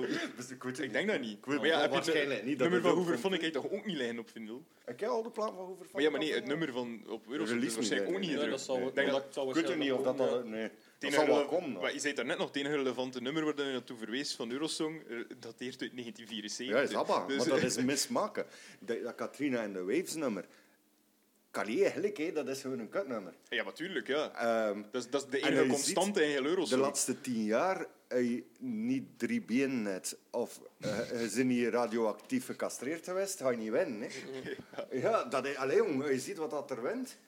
Dat, is- Ik vond dat nummer van Sergio wel nog Zodat hij die salto Sister. Ja, Dat hij op- sister. dat hij op zijn bek had. Dat, is- dat was er, dat, er zat daar wat funky in. Echt, Maar ja, maar je moest je best doen hè, als- om het te le- horen. Als Patje maar- Crimson de voorzitter is van het Festival van de Slechtste Smaak, dan hebben we denk ik onze ondervoorzitter ook al gevonden. in ik ging nog zeggen Het dat hij was... beste, Ja, het beste Eurosong-nummer dat België ooit gestuurd heeft, is volgens mij Lilian Saint-Pierre. Ah, ja. Soldier of Love. Ja, pas op. Dat vind ik Pas een de cool nummer. Pas de deux was toch ook... Allee, voor dat Is dat een festival... goed nummer? Maar nee, maar dat was, dat was wel typisch Belgisch. Hè. Ja, ja, Om dat is daar- waar. dat, was, dat was niet Alex Carré geweest, arrogant, heel het festival te katten zetten, maar dat was daar gewoon op het podium komen, concept. ja, het Ja, concept ja. te katten zetten en zeggen, Joey, tot Ja, de ja, volgende. ja. En met een fotoapparat op Ja. laatste. Ja, ja, ja. Ik, ben, ik, had, eh, ik wou een keer opzoeken of dat het op eh, vinyl bestond. She's After My Piano. Het is jammer genoeg niet, maar ik ben nu de discografie aan het bekeken van Pat Crimson en eh, het zal, zal Levig. Dat verbaast me wel Van nog dat dat niet op vinyl bestaat, want dat is op zich een, een, Ja, een op- Ja, maar goed, maar wat- het publiek daarvoor wa- kopen ze van die foute mixen Dat en dan draaien ze dat in een auto. Serious Beats. In een Dacia Duster. Ja. Zo, ja. En wie herinnert zich niet eh, de ruwe diamant? Hald is een pensje. Is dat ook van ja, hem? ja, ja, ja, juist, Je kent is dat? Van hem. Maar dat, dat is van die... Van de eh, Biker Boys. Ja, van die Enriks met eh, Bart Peters. Mo. Ja. Ah, ja, ja, ja. Die- ja, die ja, keer ja, de Haldis. jawel. Die keer Ja, die juist. was niks, noemde eh, Haldis. Ja. Ja, juist, juist. Ja, ja, ja. Ja, klopt.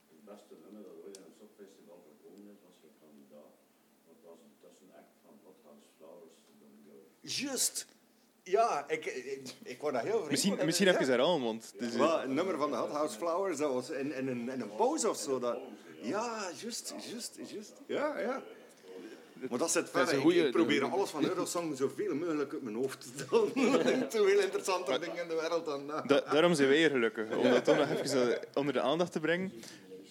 Hetzelfde met... eh, ik weet niet of dat je... Heb je Netflix? Ja. Heb je de, de parel van een film gezien over Eurosong? Ik word er nog liever radioactief gecastreerd. Wel, nog het is... Het is eh, wij hebben ons eraan gewa- ik, ga- ik, ga, ik ga heel eerlijk zijn. Hè. Nog vinden, Ik heb in onze, in onze Facebookgroep gevraagd wie dat er zich wil opofferen om de film te bekijken. En ik denk dat Caroui nog nooit zo snel weten te reageren met nope. Eh, maar goed, ik heb mezelf nog maar opgeofferd. Ehm, eh, ik heb achteraf mijn brein moeten reanimeren wel. Maar goed, het- ik, ik heb het bekeken. En Jesse heeft zich ook vrijwillig opgegeven om de film te bekijken. En, was die goed? Eh, nee, nee absoluut. Dat, is- dat is een understatement. Ik heb het samengevat tegen Jesse ehm, met de volgende zin. Ik denk dat je als acteur al heel veel droom moet doen verdampen om eh, op dat idee uit te komen. Maar is zij niet goed Kijk, maar- doordat hij slecht gefilmd is? Maar of dat is niet dat, goed dat, is moeilijk, dat is moeilijk. Je hebt, je hebt mensen die genieten van die, van die Adam Sandler-achtige humor en zo.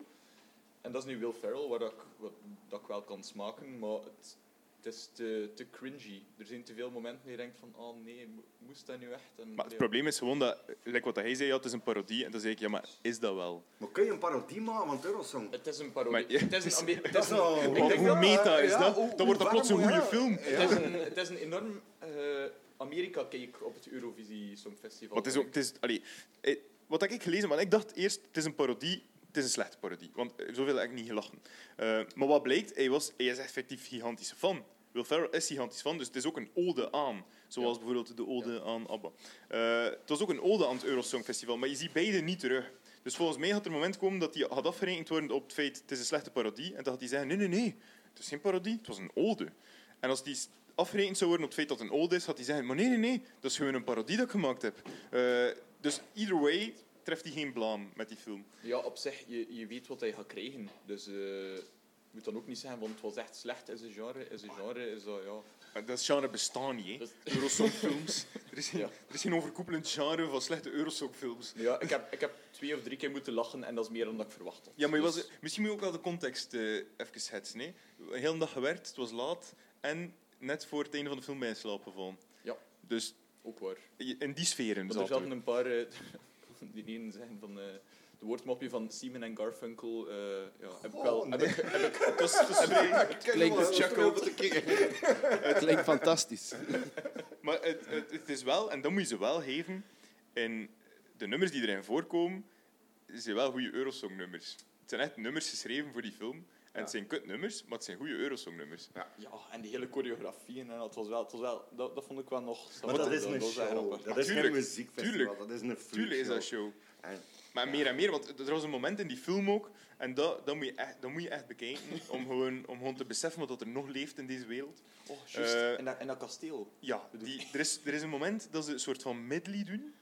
Zo Fame, Grease-achtige gewijs, zo High School Musical toestand. Eh, in zo'n one-shot.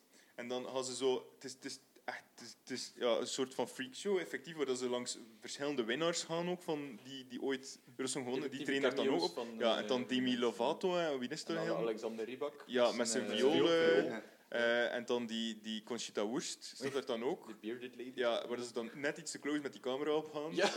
Eh, en dan die, die, waar dat er ook heel veel rond te doen is, die Israëlische daar. Ja, dat denk maar dan die Hobbit, ja. Ehm, daar wordt er ook heel veel gedoe rond. Maar dat was de, echt de grootste cringe tv dat ik ooit gezien heb, is in die vijf minuten. En ik denk dat dat zal sowieso op YouTube verschijnen, omdat het zo cringe is. Dus dat moet je echt opzoeken. De, de, het, is, het is fenomenaal. Dus mensen die aan het luisteren zijn en die zich in een veilige omgeving eh, bevinden, zoek het even op. Eh, en, en, Na ja, de show. kapot. Ja, liefst na de, Na show, de show. inderdaad. Tijdens de podcast. Of eigenlijk, Eh. zolang, zolang dat het nog over Eurosong gaat, kun je het gerust gaan bekijken. Ja, wat gaat toch over niks. Eh, maar goed. Ja, kun je, is, er, is, is er nog geval, want ik, ik eh, ja, echt zin om, nee. om maandelijks te gaan kijken naar wat dat Alex Ehm, Carrier uitspookt eigenlijk. Nee, dat was het nu eigenlijk. En volgend jaar is er een normaal Eurosong opnieuw in eh, Rotterdam, de plaats waar dat van dit jaar ging plaatsvinden. Maar iedereen moet wel met een nieuw nummer komen. Ah ja, dat is een nieuw nummer, man. Ja, Ja, maar, Maar ja, je hebt er nog drie in de kluis zitten. ja, ja, Kan perfect. ja. Oda en Abba of weet ik veel, ja. Eh, Oké. Dus ja, dat was het voor de moment. Oef. Het is ook, eh, ik kwam een artikel tegen dat ehm, er is even commotie geweest ook in eh, het voorjaar over het feit dat hij plots geen wenkbrauwen niet meer had. Ah, ja, juist, hebt? Ja, Dat is blijkbaar heeft hij een ziekte, stress Ja. Maar gerelateerd. heeft dat dan uitgelegd, hè? Ja. Want is er eh, zo, is van die, van die Facebook-heroes eh, die, eh, die hem neersabelden. Ja. Ehm, ja, maar daarna, het is ook, er is nog een Eurosong geweest, hè? Een Eurosong voor, voor AI. Heeft ook Ja. plaatsgevonden. Eh, dat vol... Lievens Heer heeft dat, ehm, heeft dat voorgezeten. Ik denk zelf voor heel Europa. Dat hij hem hun, de chef was voor alles voor te stellen. Dus elk land moest een, een nummer inzenden die bijna beter was of de gewone nummers, wat er op zich niet moeilijk is.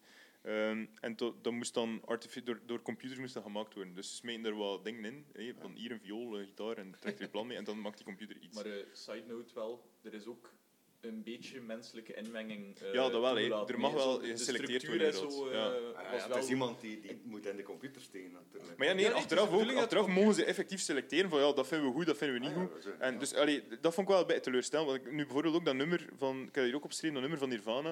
Het is ook een Nirvana-nummer uitgekomen, volledig op AI. Hetzelfde met een ACDC-nummer, ook volledig op AI. Ehm, En dat is dat gewoon met snippets van Kurt Maar ja, ze dan, dat ze... Nee, ja, ze smeten dat gewoon heel een database in. Eigenlijk alles wat ze hebben. Ja. En dan krijg je zo van die heel verhaspelde nummers met zo... Like, um, Whole Lotta Love van... ehm van Led Zeppelin. Nee, ik ben mis. eh, dat nummer van ACDC. Het is ook... ehm, Thunderstruck was dat? nee, Thunder- ja, Hollow Rosie. Er komt er ook Ja. heel veel dezelfde zin in. En dat zit dan random in een zin gewerkt. Dus omdat dat zodanig veel voorkomt, denkt die computer van... Ja, dat zal, hier, statistisch, ja, dat dat zal, hier wel, dat zal super relevant zijn. Een goed nummer bevat die zin. Dus dat zit het dan zo random tussen twee woorden ingeplant. En, en ik kom heel artificieel, ja, uiteraard, over. Ehm, maar dan nog mochten de mensen mochten wel wat bijsturen. Ja, maar ik heb dat dingen gezien, zien voorbij komen. Dat, dat er een Nirvana-nummer gemaakt was, die niet van Nirvana was. ja, uiteraard. Ik zag dat voorbij komen op Facebook van Enemy of het een of het ander. Ik ben nogal een grote Nirvana-fan, like iedereen van mijn leeftijd. Ik heb nooit geluisterd. Ik heb dat nog nooit gehoord. Ik wil dat, dat interesseert mij niet. Maar wie weet zitten we over 20 jaar wel met de, een nieuw studioalbum van Nirvana op Ja. die manier gemaakt. Zo de- Ja, met, met, ja. dat, met, dat, met, die, met die hologrammen en zo, live was dat ook? En dan, dan gaan we niet meer zagen. Ja, dat gaan we niet meer zagen over remastering. Dat, gaan we gewoon zo, dat je zo Dave Grohl in die in de studio kruipt en die dat zo juist de segmenten achter elkaar zet. Van hier, dat vind ik goed klinken. Ja, Gewoon alles samengeplakt van een AI-nummer. dat is muziek, maar ja, dat is... Ja. Maar er zal, ik denk dat er wel een moment gaat komen dat er, dat er van die nummers gemaakt Want ik vond soms al eng op dat AI Songfestival zaten er wel nummers in dat ik dacht van oké, dit buiten de tekst die nergens op slaat. eh, hoewel dat er ook wel inherent een goed Eurosong-nummer is dat nergens op slaat. Ehm, buiten die tekst dacht ik, dacht ik wel soms van oké, dit, dit zou wel Dat dit een zou effectief basis, een nummer ja, kunnen zijn. Ja, de, de, hier van Maar dat hier is wel de- er is al heel veel gezocht geweest achter de ideale formule voor een goed popnummer te maken. Ja, of voor een hit te Juist, maken. ja, ja. Dat is er ook nog nooit gelukt. Hè. Nee. Dus als je de formule niet kan berekenen voor een goed nieuw popnummer, ga je altijd flauwe afkooksels. Nee, maar je kan wel, min- Je kan wel aan die computer op dit moment zeggen van ja, kijk, er is wel een vaste structuur waar je aan moet Ja. vasthouden. Dat, kun je wel, dat vind ik ook al zot. Dat je kan zeggen van ja, je, je bouwt op, je speelt een refrein, eh, je doet weer een strofe, een refrein, een bridge en nog een keer een refrein. Mhm. Dat die computer wel kan, kan herkennen van oké, dit is ongeveer wat ik moet doen om, om hier eh, een deftig nummer van te maken. En dat dat ook wonderwel hoe lukt. Want dit gesprek gingen we vijf jaar geleden niet voeren. Hè. Dus Ja, wie weet waar we binnen vijf jaar staan. Ja, eh, Bert, en die, al die jaren bij de, bij de majors er toch wel van die absurde ideeën gepasseerd zijn. Met AI. Maar nu niet alleen Warner- eigenlijk Warner- AI, Warner maar in, in heeft het een algemeen. label getekend, hè, die alleen maar AI, AI of hoe noem je het? Ja, doet. Dus, en dat is zo van die heel groot, ik dat al een genre kan noemen op Spotify, is van die, van die, van die crap, van- die semi-klassieke piano crap. Hè. ja, ja, ja. Dat Maar en- en wat dat bedoelde wordt eigenlijk- Heel, heel En dat is dan- dat is dan. AI, ja. Ja, het zijn dan zeker zijn nummers. Maar ik bedoel eigenlijk in, in het algemeen meer. Weet, je, want op zich vind ik dat gewoon een absurd eh, idee, dat totaal niet met muziek te maken heeft. Maar eh, ik kan me like voorstellen dat er toch dan, zeker bij eh, gigantische bedrijven, wel van die pogingen om iets Maar, te hey, doen, maar dat je, dat je zelf achteraf denkt van, what the fuck hebben wij nu net... Maar ja, tuurlijk. Het Heb je succes daar een van voorbeeld? Ketchup-song van Las Ketchup. Oh, we wisten dat allemaal natuurlijk. Hè. Ja. Wie net er dat ooit in zijn hoofd gekregen? Kom. Maar dat is toch ook Eurosong? mee- Was dat niet Eurosong? Nee, dat is niet. Eurosong. Nee. Nee? Ja, die, die dat Wat dat gekund. moet toch ook wel serieus aan de kook Wat- gezien. Of, dat. Maar het heeft wel miljoenen opgebracht. Dat was Dus ja, een, een van de eerste ringtone-hits, zeker? Ook, dat was crazy voor Ja. zeker. Ook, ook ja. Komen we nog op terug? Ah, ja. Ja, er, is nieuws, er is nieuws van het Crazy Frog eh, front. Aha. Ja, dat is ja, eh, zot ideeën. Elvis, die op het podium stond met snuiten te schudden, was ook een zot idee. hè. Ja, maar daar was je niet bij, basic. Dat word ik niet bij. Nee, maar ja, dat, dat was toen niet, niet algemeen aanvaard. En iets die niet algemeen aanvaard wordt, wordt gezien als zot. Ja, kijk naar David Bowie, die om de twee jaar een andere persoon was. Ah ja, dat was ook, ook crazy, hè, terwijl dat we dat vandaag dat bejubelen. En, en Ah, ja. ja, dat is alles die een klein beetje... Het is zo dat het begint. Hè. Billie Eilish was ook in het begin, dat, allee, een jaar of twee geleden, dacht we ook van, wat de fuck is dat hier? Terwijl dat, ja. dat, ja, nu, nu is dat wel op die leeftijd, hè, voor die jonge gasten, is dat wel Hey, dat is een goeie degene om naartoe te kijken. Dat is- En dat is ook inderdaad, plaat, die, die, die laatste plaat is ook wel gewoon goed.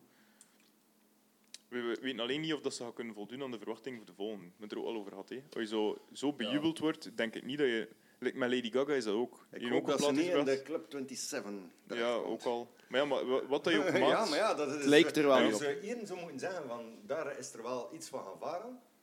Terwijl Ja. volgens mij is er ook heel veel Ja, toneel bij. Maar ik weet, eh, ik weet ook niet hoeveel van dat de media daarbij verzint dan en al. En, eh, allee, ja, zit een goede ik, heb, ik heb altijd het gevoel dat, dat, dat, dat door de, het label dat wel een beetje gepusht wordt van... Tuurlijk. Maar nog maar op, een beetje... je, kunt- allee, op, die, en, eh, op die leeftijd... like maar je- Lord was, was hetzelfde. Maar Dat Lord is, al eh, dat is die vanuit South Park. Hè.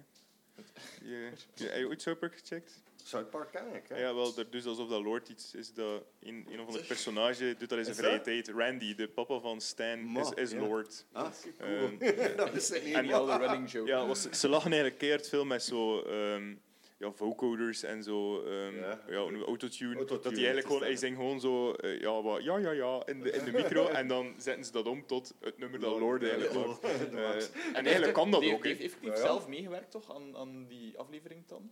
Lord, ja, ja klopt. heeft, heeft ja. niet ja. Een passage. snippet van een nummer? ja. eh, ja. eh, Ja, dat is crazy. Ja, maar goed. grappig. Cool.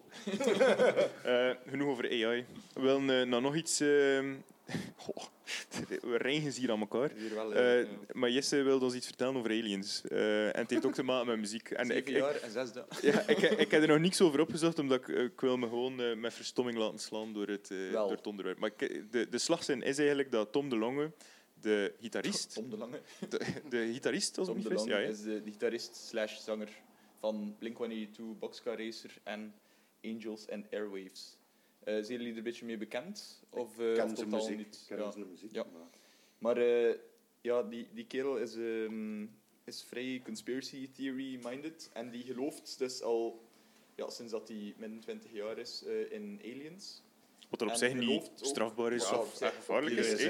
Alles goed. Aliens bestaan allicht. Moet die ook een maar, nummer eh, Aliens Exist. Aliens Exist is inderdaad Ja. een nummer van Wat, wat dat ook de 1999. doodslag is geweest, misschien voor hem.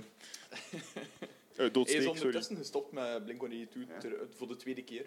Eh, omdat hij eh, ja, omdat hij crazy is en omdat hij veel te veel tijd stak in die, in, in, in zijn alien-fascinatie. Wat dat hij dus gedaan heeft, is ehm, effectief contact opgenomen met eh, het eh, Pentagon. Heeft dan meetings gehad met generaals en... eh, Maar die kerel zit er echt 51 diep in, hè. Die zit er echt diep in, hè. En eh, hij, hij, ze- hij zegt dan altijd zo in interviews van ja, ik mag er niet te veel over zeggen, want eh, ik kan hier, eh, ze, ze luisteren mee, bij wijze Ja, van juist. spreken. Ik heb er effectief wel voor gezorgd dat er ehm, in, in maart of in april, het was ergens in het begin van de lockdown, de Amerikaanse overheid video's heeft vrijgegeven van effectieve... Ja, Die Area 51 stuff. Wel, nee, ik weet niet of dat je, heb je het gezien. Dat was, dat was nog vrij uitgebreid in het nieuws. Dus er was een filmpje van twee eh, F-16-piloten, denk ik. En eh, die hadden het over, we zien iets op onze radar, maar we zien ook effectief iets in het echt. What the fuck is dit? En dus eigenlijk zo vrij, zelf voor militairen te zijn, eh, militairen normaal vrij droog mededelen, voelde je wel in, in, in, in stemkleur en al, dat die gasten ook zoiets hadden van, wat, wat de fuck gebeurt er hier? en, en dat is dus door, dat is door die dude Maar is dat, dat is- de- dat wij dat hebben. hè. Ja, ja, ja. ja. Ehm, ja, ja, dat is eh, vrij cool, maar eh, hij heeft dus ook effectief een, een universiteit opgericht, To the Stars Academy. Hoe heet het? En To the Stars Academy. En wat leer je daar? Wat leer je? je, leert, je leert sales, denk ik. Want ik krijg elke week een e-mail van hem met de, de nieuwe designs van t-shirts en zo die uitkomen. Ja. Dus eh, het is eh, meer een, een marketingtruc, denk ik, dan iets anders. Maar, Maar goed, het is dat kun je zich nog niet kwalijk nemen. Nee. Er moet ergens wel... Nee. in, in Er tijd dat, er moet funding zijn. Hij heeft effectief ook eh, NASA-scientists en zo in dienst genomen als professors. En, eh, ik weet niet wat allemaal. Ik ben het, eh, ben het plots beginnen stoppen met te volgen, want ehm, het, is, het is niet te doen. Hij brengt ook elke maand een boek uit, trouwens.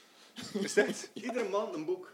Goh ja, om de twee, drie maanden en zo brengt hij een keer een boek uit. Dat hij zogezegd zelf geschreven heeft. Maar Maar, hoe, hoe big is dat dan? Die, like die academy? Wat, hoe, is, dat, is, dat gewoon, is dat gewoon ergens een huisnummer in de straat? Of is dat eh, ja, ze hebben, er, is, er is een winkel, dat weet ik. een giftshop? Maar ik weet niet waar dat gebouw zich bevindt. Of, Allee, ik kan me voorstellen dat hij wel miljoenen heeft voor de natte smijten. Maar wat ik ervan hoorde, is dat dat wel in, in de community vrij gerenommeerd is. Dat Welke dat community? De alien de alien community? community, ook, weet ik eigenlijk nog niet. Ja. Of Eh, Blink-182 maar in de fans. Blink-182 Eh, wel, community. Blink-182-fans, eh, ik heb daar ook... allee, ik ben er nog altijd, ik hoor dat wel graag. Eh, maar ik zat er een paar jaar ook echt wel heel diep in en op de forums en zo. En eh, hij heeft enorm veel... In, allee, maar echt enorm veel hele sterke aanhang. Ja? En mensen die, dat, die hem blind volgen, die alles kopen, ook Dat dat, hij, dat hij gevaarlijk. released. En, eh, en wel, ik heb dat hier ook als Ja, maar bij eh, gezet. zit iedereen voor de money ook? Dat, Dat, vraag ik me. je kan kunt nu je je nee. kunt je zeggen van, die, nooit van zo'n giftshop, ja, goh, dat, dat is duidelijk. Maar aan de andere kant snap ik ook wel de dag van vandaag, ja, je moet op een bepaalde Nee, manier financieren. Nee, je- er- commercialiseren. Ja, maar hij, waar. is, hij doet het niet volledig voor het geld. Hij is echt wel obsessief. Hij is ook ondertussen gescheiden van zijn vrouw en zo, daardoor. Ehm, dus al ja, Ik vind het, is, het is een vreemd geval. Gewoon. Vind, ik vind het cooler dat hij t-shirts verkoopt dan dat hij hartjes van 14 jaar probeert te brainwashen. En. Maar ja, maar is bij- brainwashing... Oh je, oh je, effect- allee, want, wat, ik kan eigenlijk zelfs zeggen van ons dan. Dat wij, dat wij normale mensen... of dat wij jonge gasten brainwashen om niet te geloven wat dat hier komt. Dus Ja, als, je er echt, als je er echt zo hard in gelooft, ja... Kun je dat Zolang of dat geen zeer doet voor Je moet- nee, dat hij niemand Je anders moet doet. altijd, altijd een moet je gezonde, gezonde sceptisch hebben en het mag niet, eh, het mag niet secteachtig worden. Nee, maar dat, is het, dat wordt het wel een beetje, niet? Dat wordt een, wel, ik, ik vrees daar ook voor dat er veel mensen gewoon te blind in meegaan. En, Oh en hem echt als, als, een, als een god zien, gewoon omdat hij coole punk, Je moet er altijd skatepunk van gemaakt uitgaan heeft. dat tussen de jaren deur tegen dat de slimste mensen ter wereld ooit deur aan dat de wereld eronder was ook. hè. Dus ja. Uiteraard. Ja, maar goed, we gaan Tom de Lange nu niet in de lijn steken met, Van- met van Galileo. Galilei. Ja. Zijn, maar weet je, van mij eh, en ik meen dat zolang of dat hij hem een mening heeft.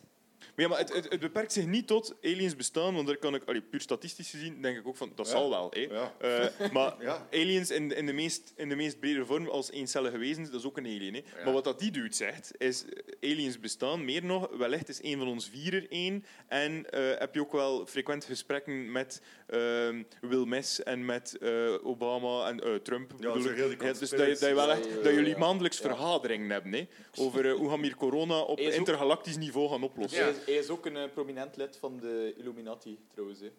Hij heeft er ook een kaart van. Ja, dat is, zeker, zeker dat, dat is, dat is ernaast, is naast die winkel van die aliens. Ik zie je nooit op de meetings. Ehm, nee, ja, en hij, hij- op zijn designs van zijn t-shirts is ook eh als dan zo ehm met vrijmetselaars tekens en zo. Maar ja, maar die heeft er toch geen hol mee te maken? Dat is, toch, dat is toch puur voor de imagery dan? Maar dat zijn die symbolen. Ik kan me niet voor... Ja, maar ik kan, ja, voilà. maar ik kan me niet voorstellen Dat dat, dat, de effectieve loge zegt van ja, doe maar jong. Dat is, eh, dus qua slechte reclame bestaat niet. Zet dat er maar op. Ja. Maar goed, het is, eh, het is, een, het is een, een bijzonder geval.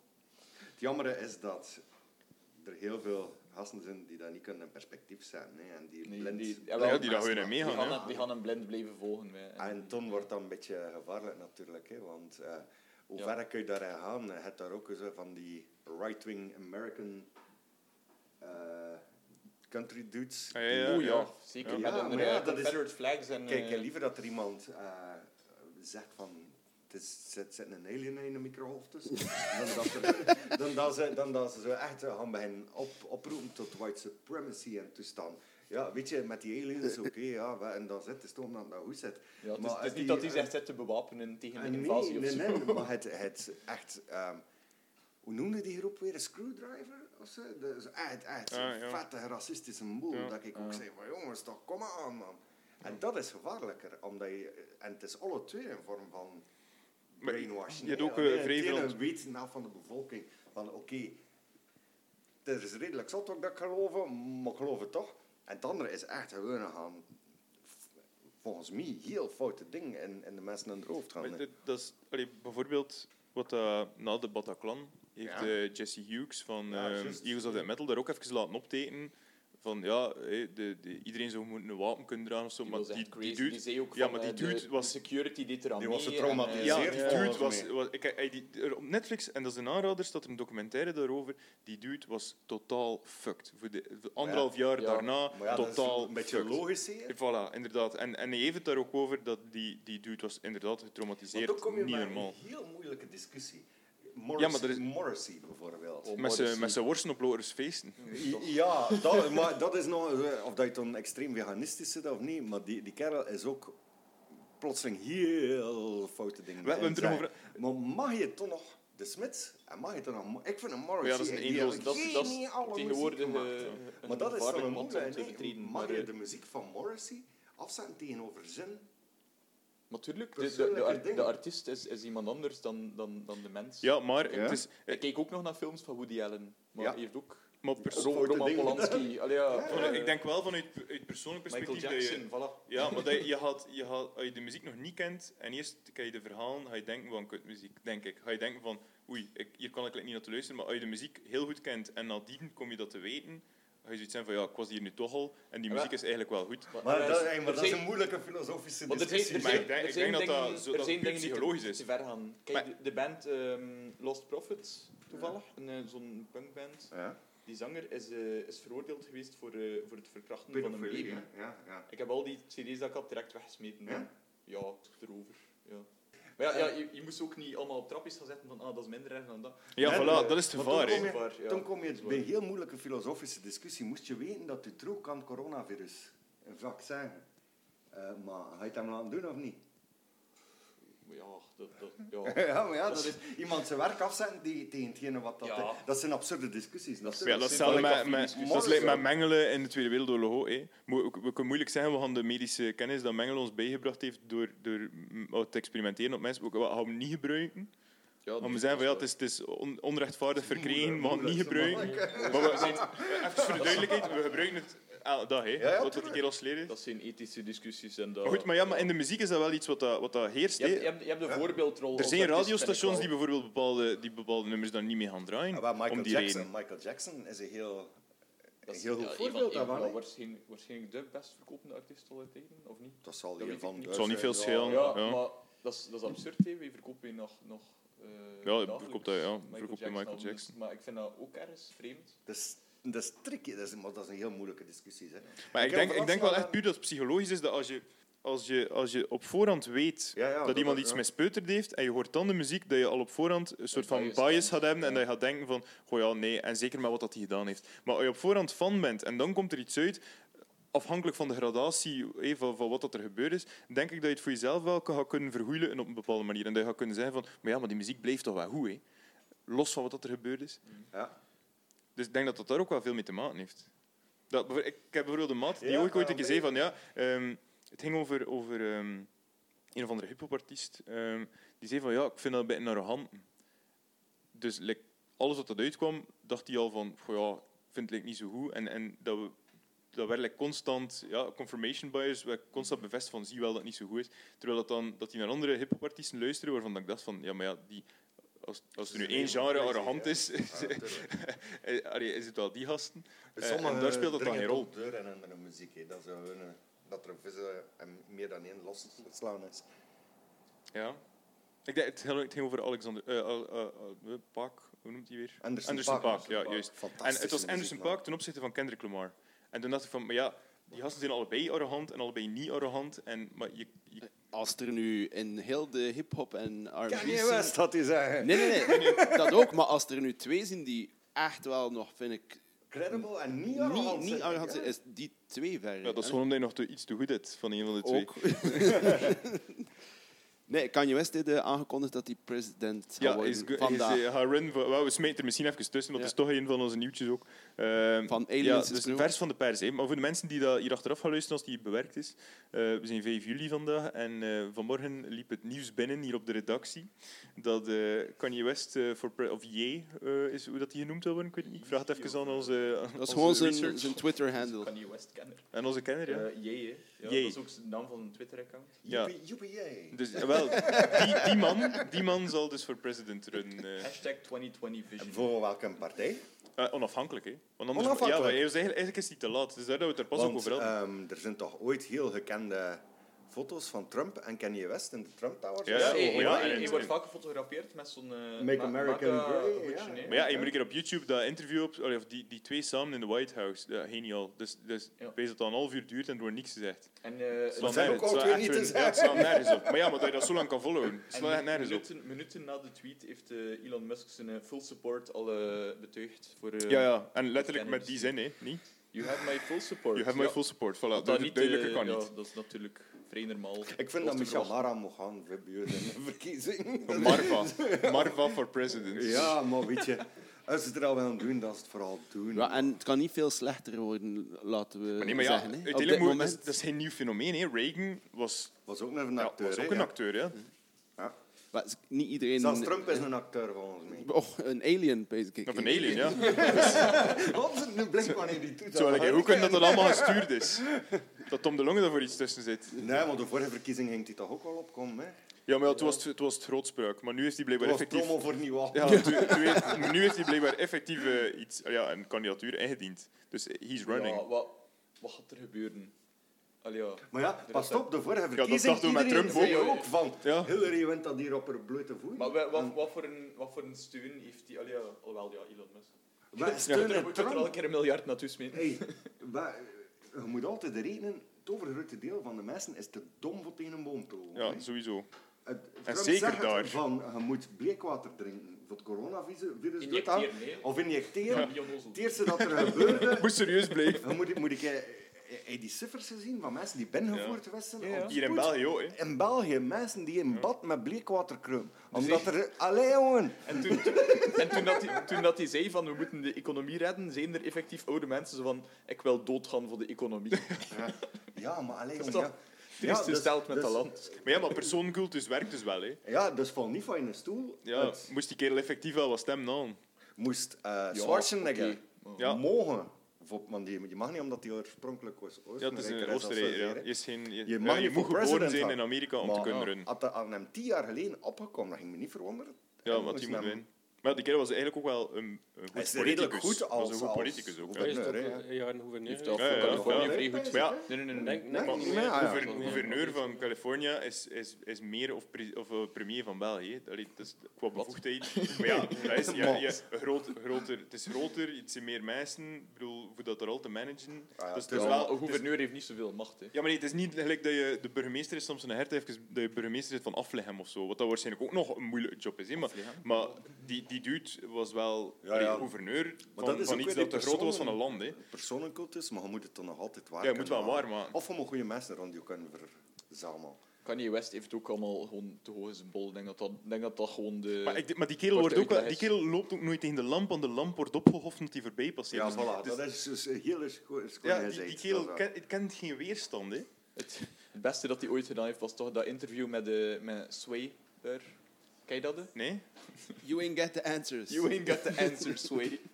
Het was iets van zijn, zijn- dat hij groter ging worden dan Walt Disney en Jezus en eh, God. En, eh, John Lennon En God, al, ik, ik ga groter worden dan God. Geef het je op een bladje.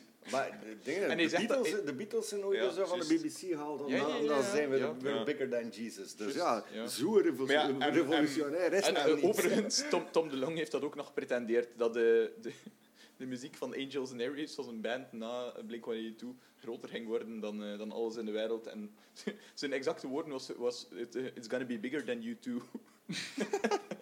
Maar ja, ja, op zich niet. Maar goed, dat is een andere discussie. YouTube gaat me niet aan wagen. Ja. Eh, dat is, Nee. dat is, eh, Goed voor Kanye. Ja, maar ja, maar die kerel... Die kerel die, de- die, die, hoe moet je het zijn? Die personificeert zichzelf toch met, met Jezus. Dus die kerel is toch zijn eigen messie, zijn nieuw, een soort nieuw Eh, messias. ja, hij heeft zichzelf al de Messias genoemd ook. hè. Ja. Dat is, dat is knetterhek. Dat is toch knetterhek. Maar eigenlijk is dat een perfecte kopie binnen van, van Trump. Hè. Dat is die personencultus.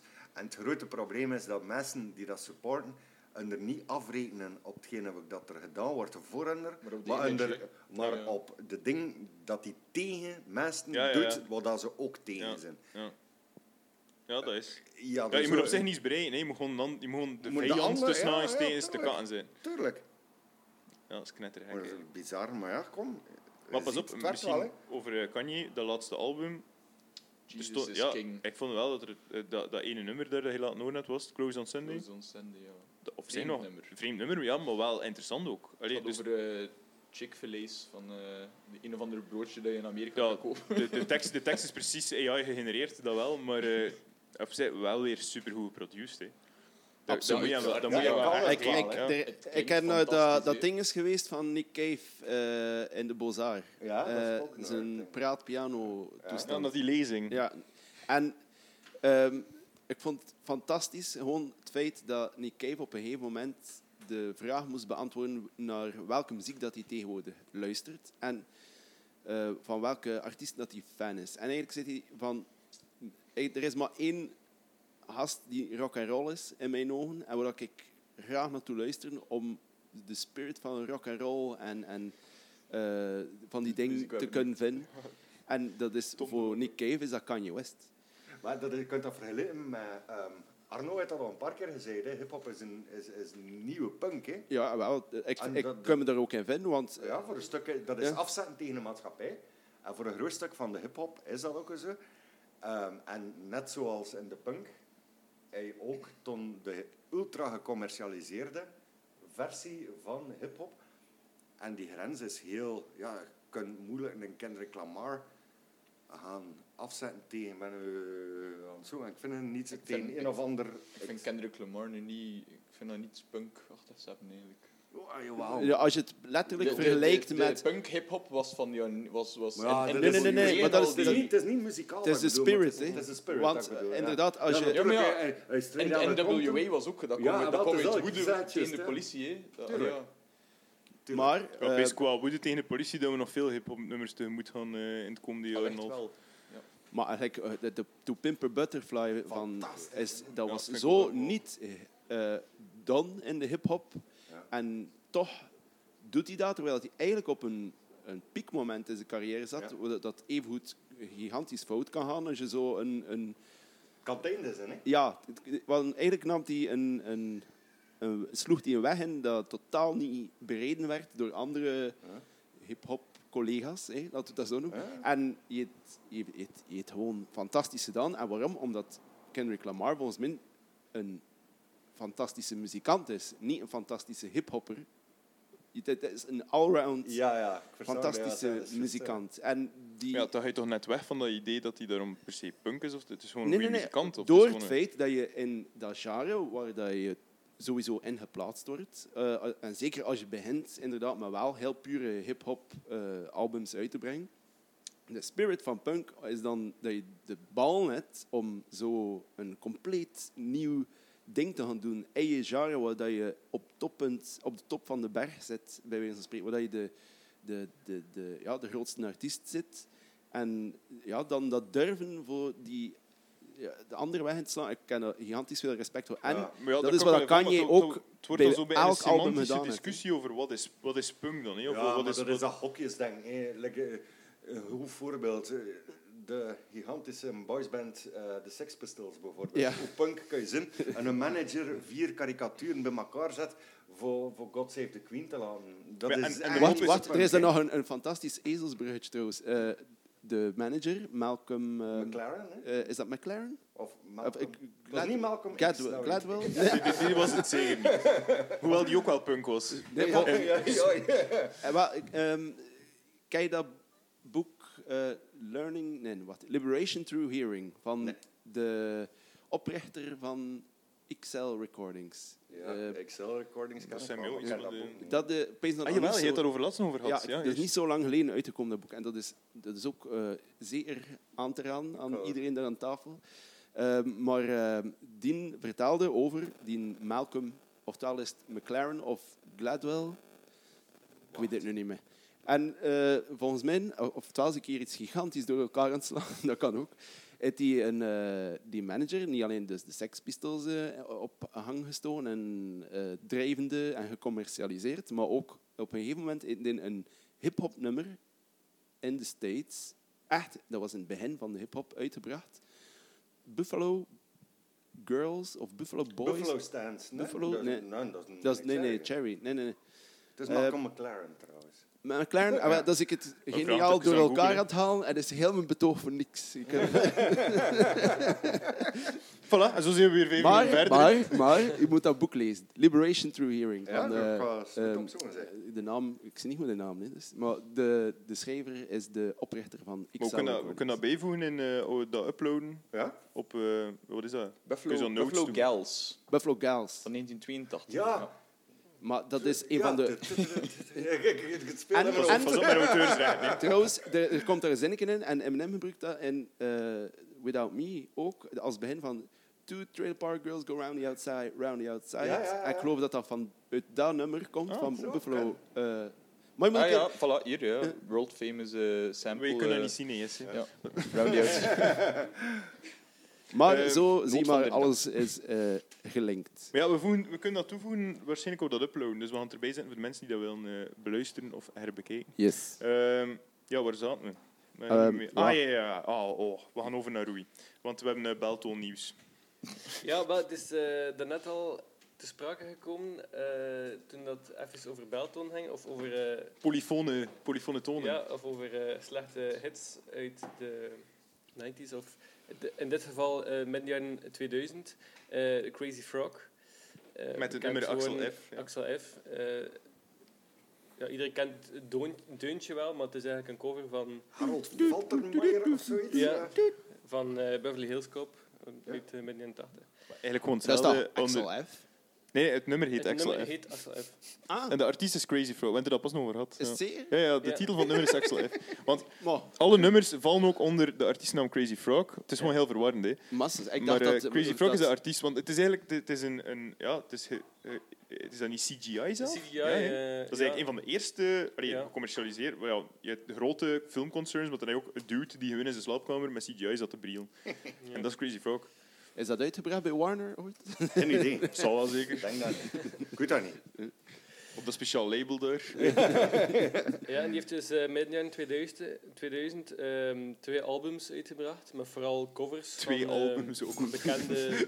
Alsof Ja. dat één niet genoeg was. Ik heb zodanig veel gemaakt en zodanig veel goede dingen. ja.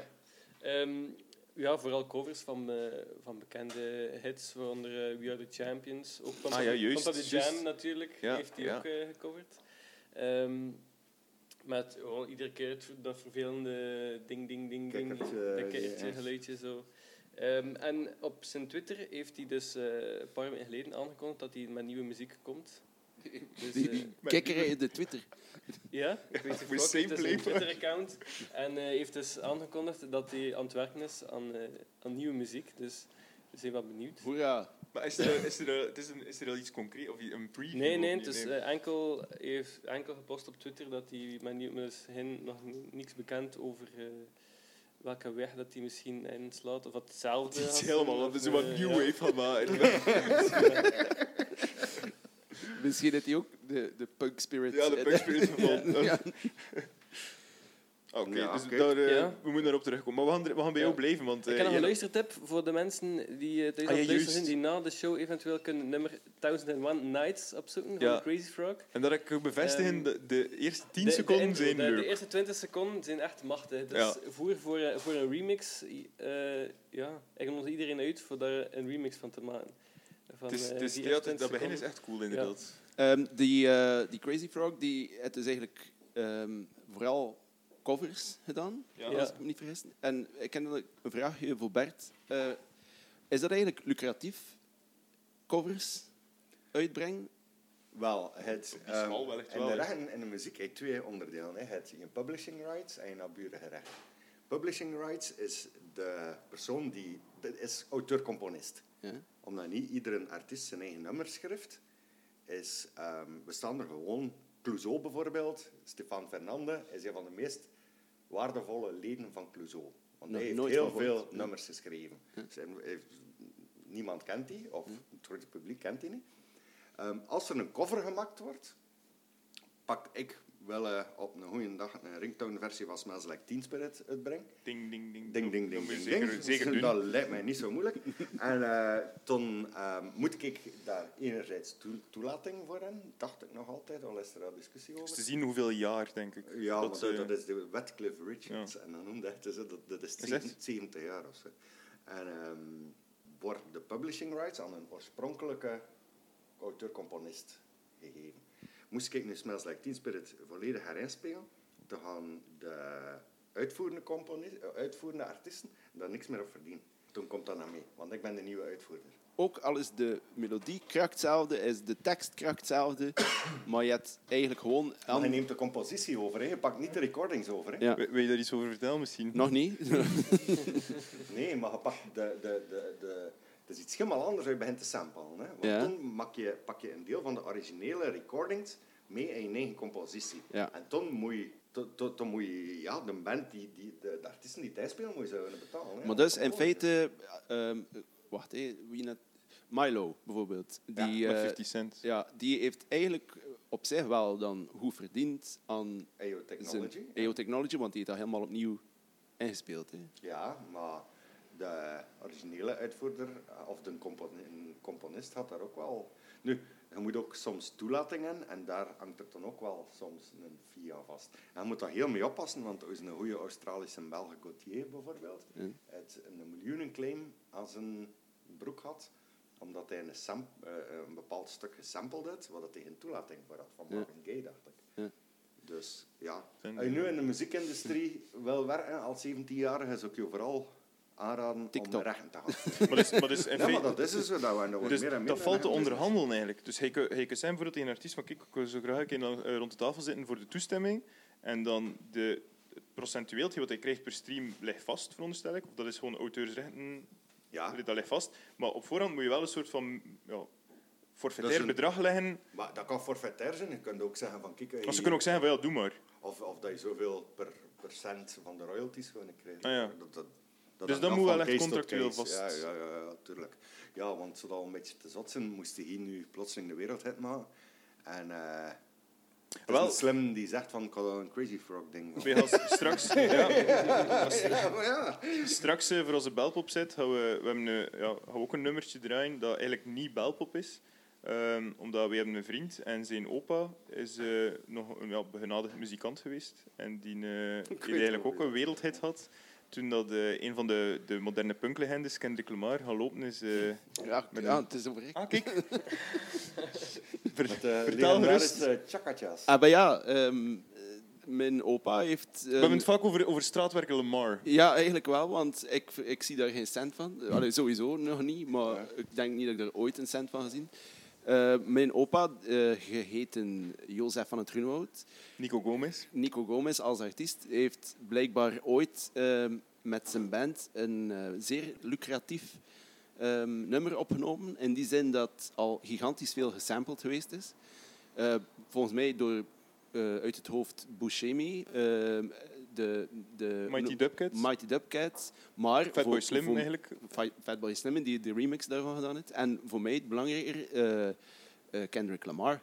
in Backseat Freestyle. En dat was toch even eh, ja, voor mij een, een leuke dag om eh, zo'n nieuws te Waar krijgen. zitten die rechten nu? Blijkbaar volgens Cedric en Dat zit eh, bij, de, bij de Belgische staat.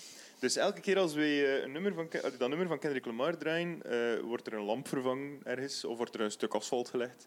Ehm, dus Dat kan toch is, niet? Ja, Ja, het- blijkbaar. Raymond heeft dat blijkbaar weggeschonken. En Ah ja, dat is, als, als, als je als artiest je rechten of je, allee, je erfelijkheid van die rechten wegschenkt, komt het eigenlijk terecht bij de staat waarin dat je woont. Want dat- standaard had het gewoon naar je, je estate, naar je kinderen eigenlijk. Ja, in principe nee. wel. Maar, maar Raymond heeft dat dus in de tijd heeft hij dat afgestaan en Geweigerd. gezegd van kijk, dat hoeft niet. ja, hij heeft, eh, Ehm, gezegd. jij hebt spijt van zijn beslissing. hij eh, misschien ook ondertussen. En misschien inderdaad ook. Maar de Belgische stad heeft er dus wel eh goed Maar aan verdiend. Dat was de In die zin, dat dus- dat komt eigenlijk rechtstreeks de staatskas eh spijzen. Dus hoe meer dat we dat draaien, eh, draaien, hoe betere wegen dat we in Want Dus ik denk veel dat, dat, we iedereen, ja, ik denk dat we iedereen kan oproepen om meer Kendrick Ja, Lamar te maar luisteren. dat? Ja.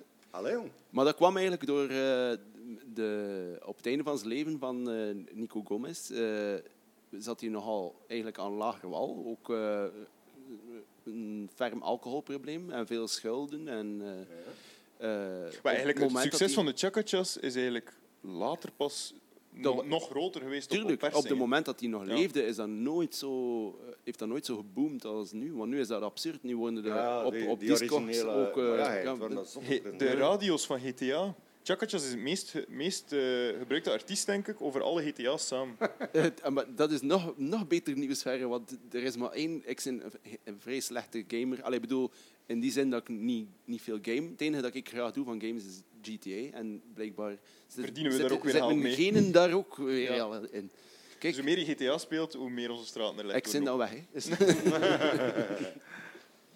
Ja. Maar ja, goed, dat was dus economisch gezien misschien niet de beste beslissing. Nee, maar artiesten zijn meestal economisch eh, gezien Niet niet, niet zo onderlegd. Behalve dan misschien eh, Bono of... eh, Maar ging- we gaan niet over YouTube. ja, dat, is, eh, nee, dat, eh, dat is misschien voor de laatste aflevering ooit. Dan kunnen we dat doen. We blijven bij Rui. Maar we, gaan het nog over de, we, gaan, we zitten op een radiofestival. ehm, en we gaan het nog over radio hebben. Ja.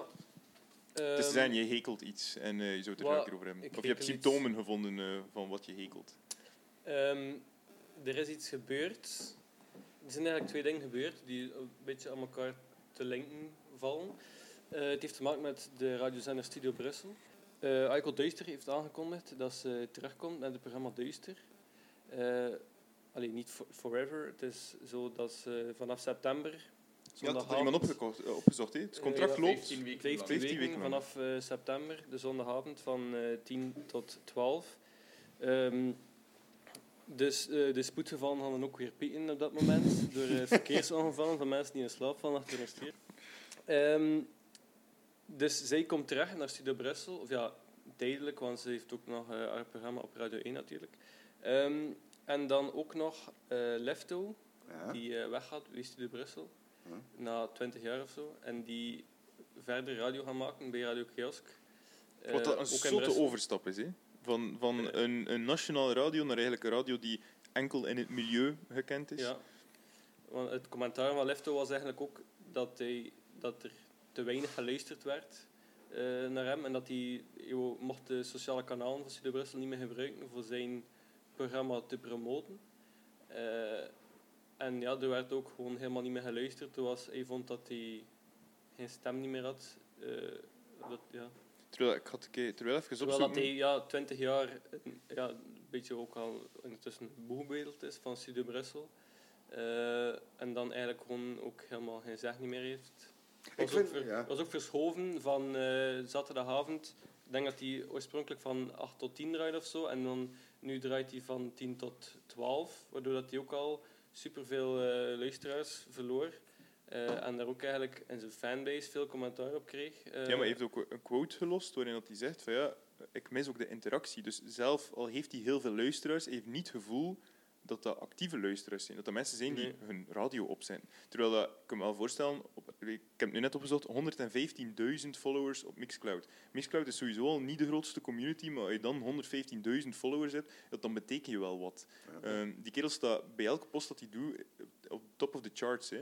Ja. Dus, dus als je dan bij een kiosk gaat draaien, wat dat sowieso al voor de iets ja, meerwaardezoeker is op radiovlak dan, dan denk ik dat je wel die interactie terug kan vinden en dat je, dat je terug bij jezelf kan denken van ja, waar, eh, hier ben ik mee bezig, het is hiervoor dat ik het doe. Ja, natuurlijk. maar radio, het medium is ook het is gewoon veranderd. Hè. En Studio Brussel heeft ook een hele gedaante dat, verandering gedaan. En Maar daar komt hij dus dat niet tegen. hoor. Het was ook het hele Nee, dat hij te gaan Studio. Brussel Nee, is een mainstream het, het, het, geworden. de mainstream. Ah. Eh, en hij heeft ook eh, hij vergelijkt het met mensen. Hij zegt van ja, met wie zou je liever overeenkomen? Met iemand die naast je loopt en ieder alles ja knikt, of iedereen of een waarmee dat je overeenkomt, maar die toch af en toe kan zeggen van nee, ik zou het zo doen, of eh zou het niet beter zo doen. Eh, en dat vindt hij dan wel bij kiosk, dat hij... eh, dat Een hij- identiteit. ja, Ja. identiteit en eh, ook andere, meer genres. Allee, ehm, de, de ijsberg, dat de, de muziek is, eh verleek tegen Ja. mij.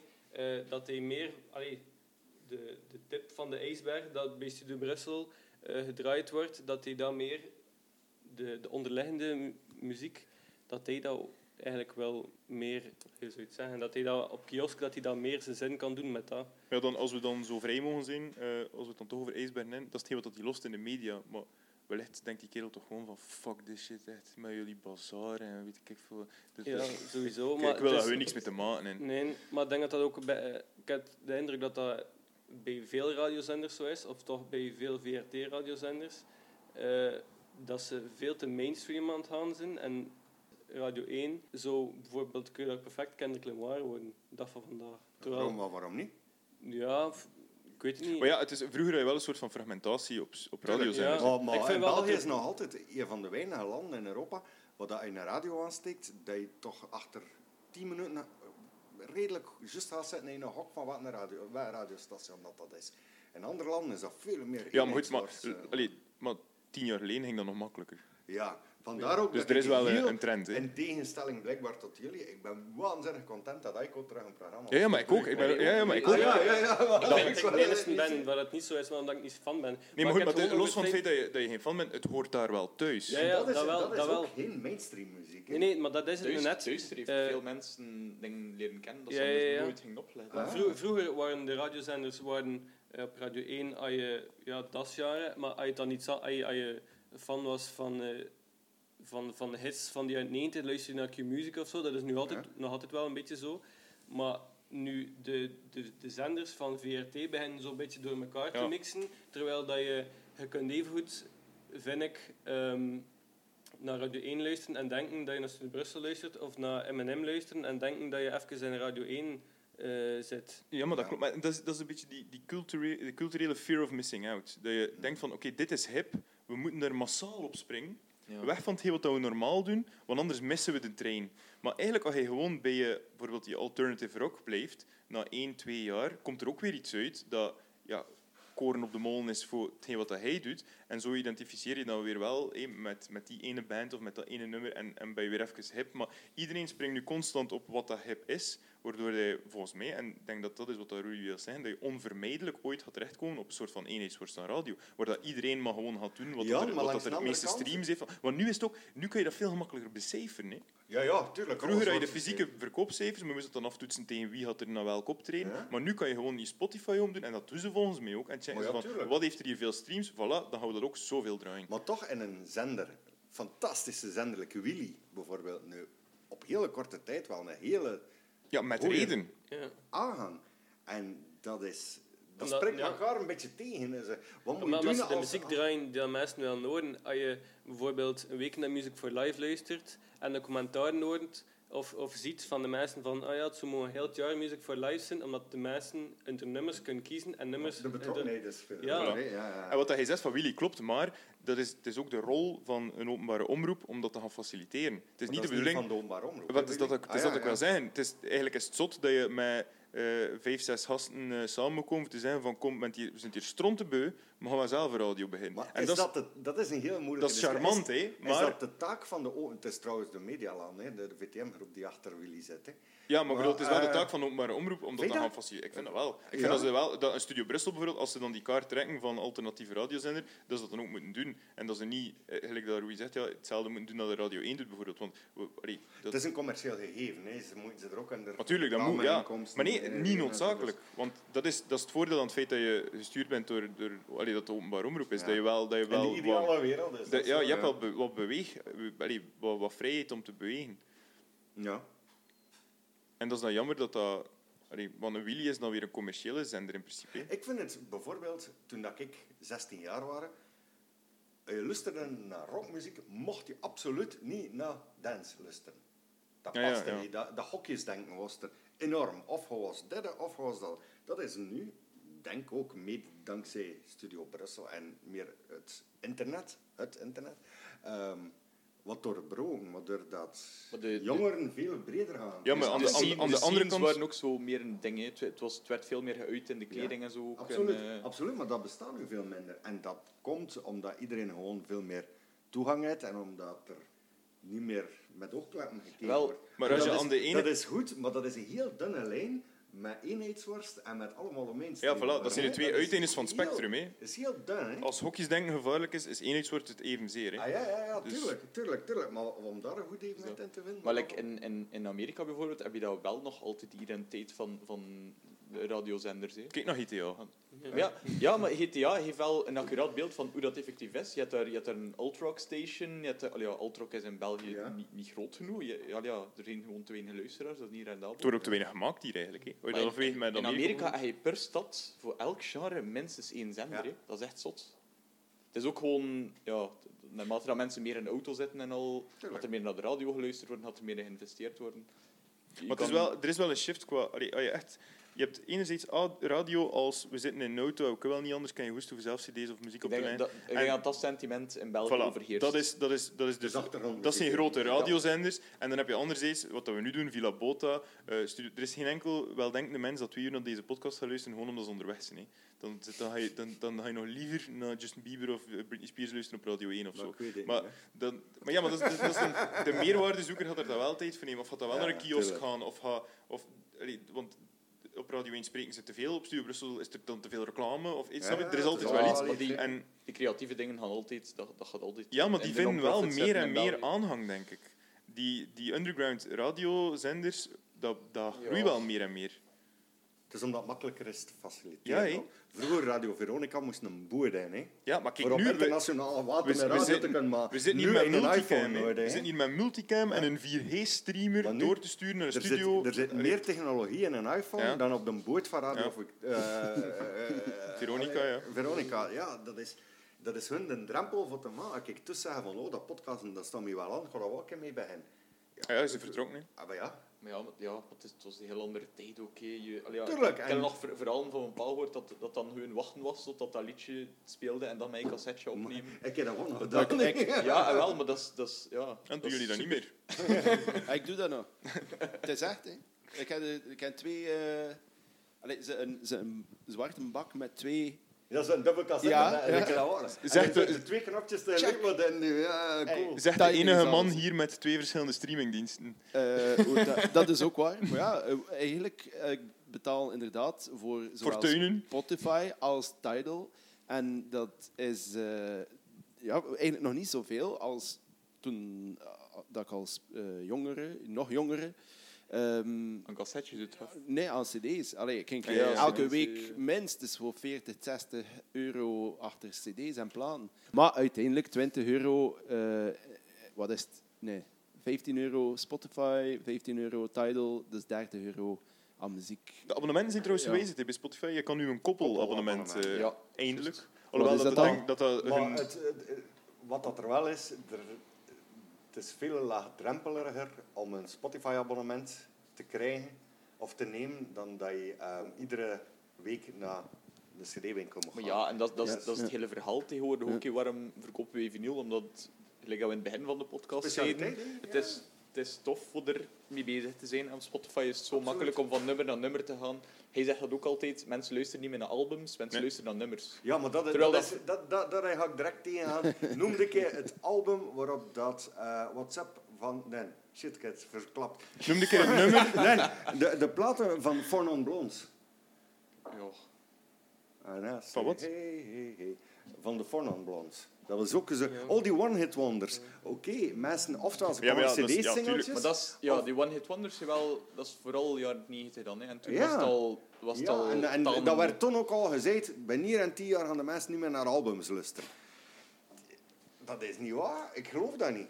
Het, het Maar concept het, minder, album... het had- mindert. Het, het concept mindert. album gaat blijven bestaan, maar het, het wordt Maar gefaciliteerd. artiesten maken ook meer nummers. Ze maken Het is nummers. cinema genre. Er worden, er worden veel meer EP'tjes en zo, en zo Ja. singeltjes en demos zijn al uitgebracht. Er worden nog steeds supergoeie albums gemaakt, hè, dat sowieso. Maar we merken, op Spotify bijvoorbeeld, mensen maken bewust nummers. Ja, absoluut. En ook met een intro die niet langer mag duren dan Ja. 30 seconden. En als de nummers zeg 3 de- minuten dus- 30 seconden. Ja, voilà. En, de, de En er is daar niets mis mee. Er- het moet niet allemaal epische Pink Floyd conceptalbums zijn. Hè.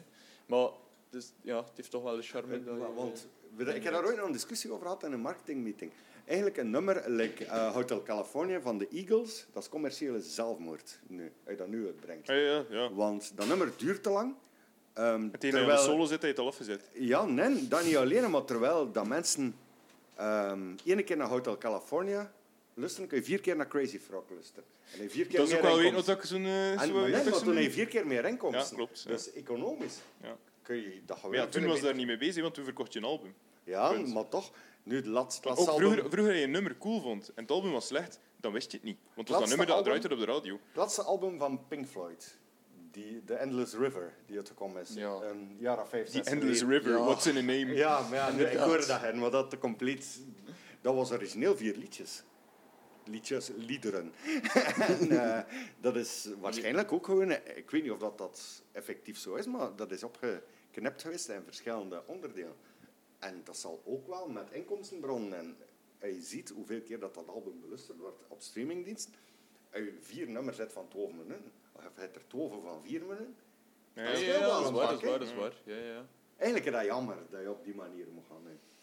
Harry, Ja, maar ja, het is, ja. het is een business. Het is een ja, realiteit eh, geworden, ja. En op die negatieve noot gaan we moeten eh, afsluiten. Negatief is dat niet, dat is gewoon een verhaal. Nee, ja, het is, maar het is de realiteit. Maar goed, we gaan, ehm, we gaan er nog verder over doorlullen hier eh, met een eh, drankje wellicht. Maar we gaan moeten afscheid nemen van onze vrienden op de Twitch-stream. Ehm, maar we gaan verder met het volgende segmentje. Ehm, we gaan een eh belpopset draaien. Eh Rui en ikzelf. Dus Rui gaat Oh. zich al naar de, de, de decks begeven. Ah, Je hebt je micro mee, je kan eigenlijk nog Ja, meedoen. ik kan nog meedoen. En we, we gaan... ehm, om een ode te doen aan ehm, Abba? onze, ja, niet aan Abba, maar eh, aan zowel ons straatbeeld als aan eh, de volledige familie van het Runewoud, ehm gaan we beginnen met een nummertje van eh, Kendrick. Omdat je zou kunnen zeggen, dat is geen Belg, maar uiteindelijk ja, eigenlijk wel een beetje. Het, eh, Misschien kun je het voor één keer gewoon cash aan in betalen. ja, als je er- we doen ook een collecte Ja. voor, voor diezelfde familie van het voor Runewoud. mijn parking. Om-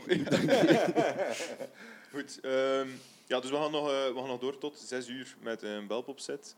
Ehm daarna kun je op dezelfde French stream nog een podcast volgen. En daarna is er ook nog eh, de social stream van Team Damp. Ehm, ja, wij sluiten onze podcast af. We proberen hem zo snel mogelijk online te zwieren. En volgende maand zijn we er weer met een nieuwe podcast. Bedankt Ik- Bert. Ja, Ja, bedankt bedankt eh, aan Bert om dat hier was te cool. komen. Het was eh, cool om je te hebben. En eh, De eerste keer leuke dat ik het gedaan en het is eh, su- supergoed mee. maar ja, maar we kunnen, ja, we kunnen nog doorgaan, dus eh, misschien voor de volgende keer. Moet de man nou wel werken. Goed. Ja, we sluiten af en eh Rui, eh heeft maar buzzen. Maar kan gaan.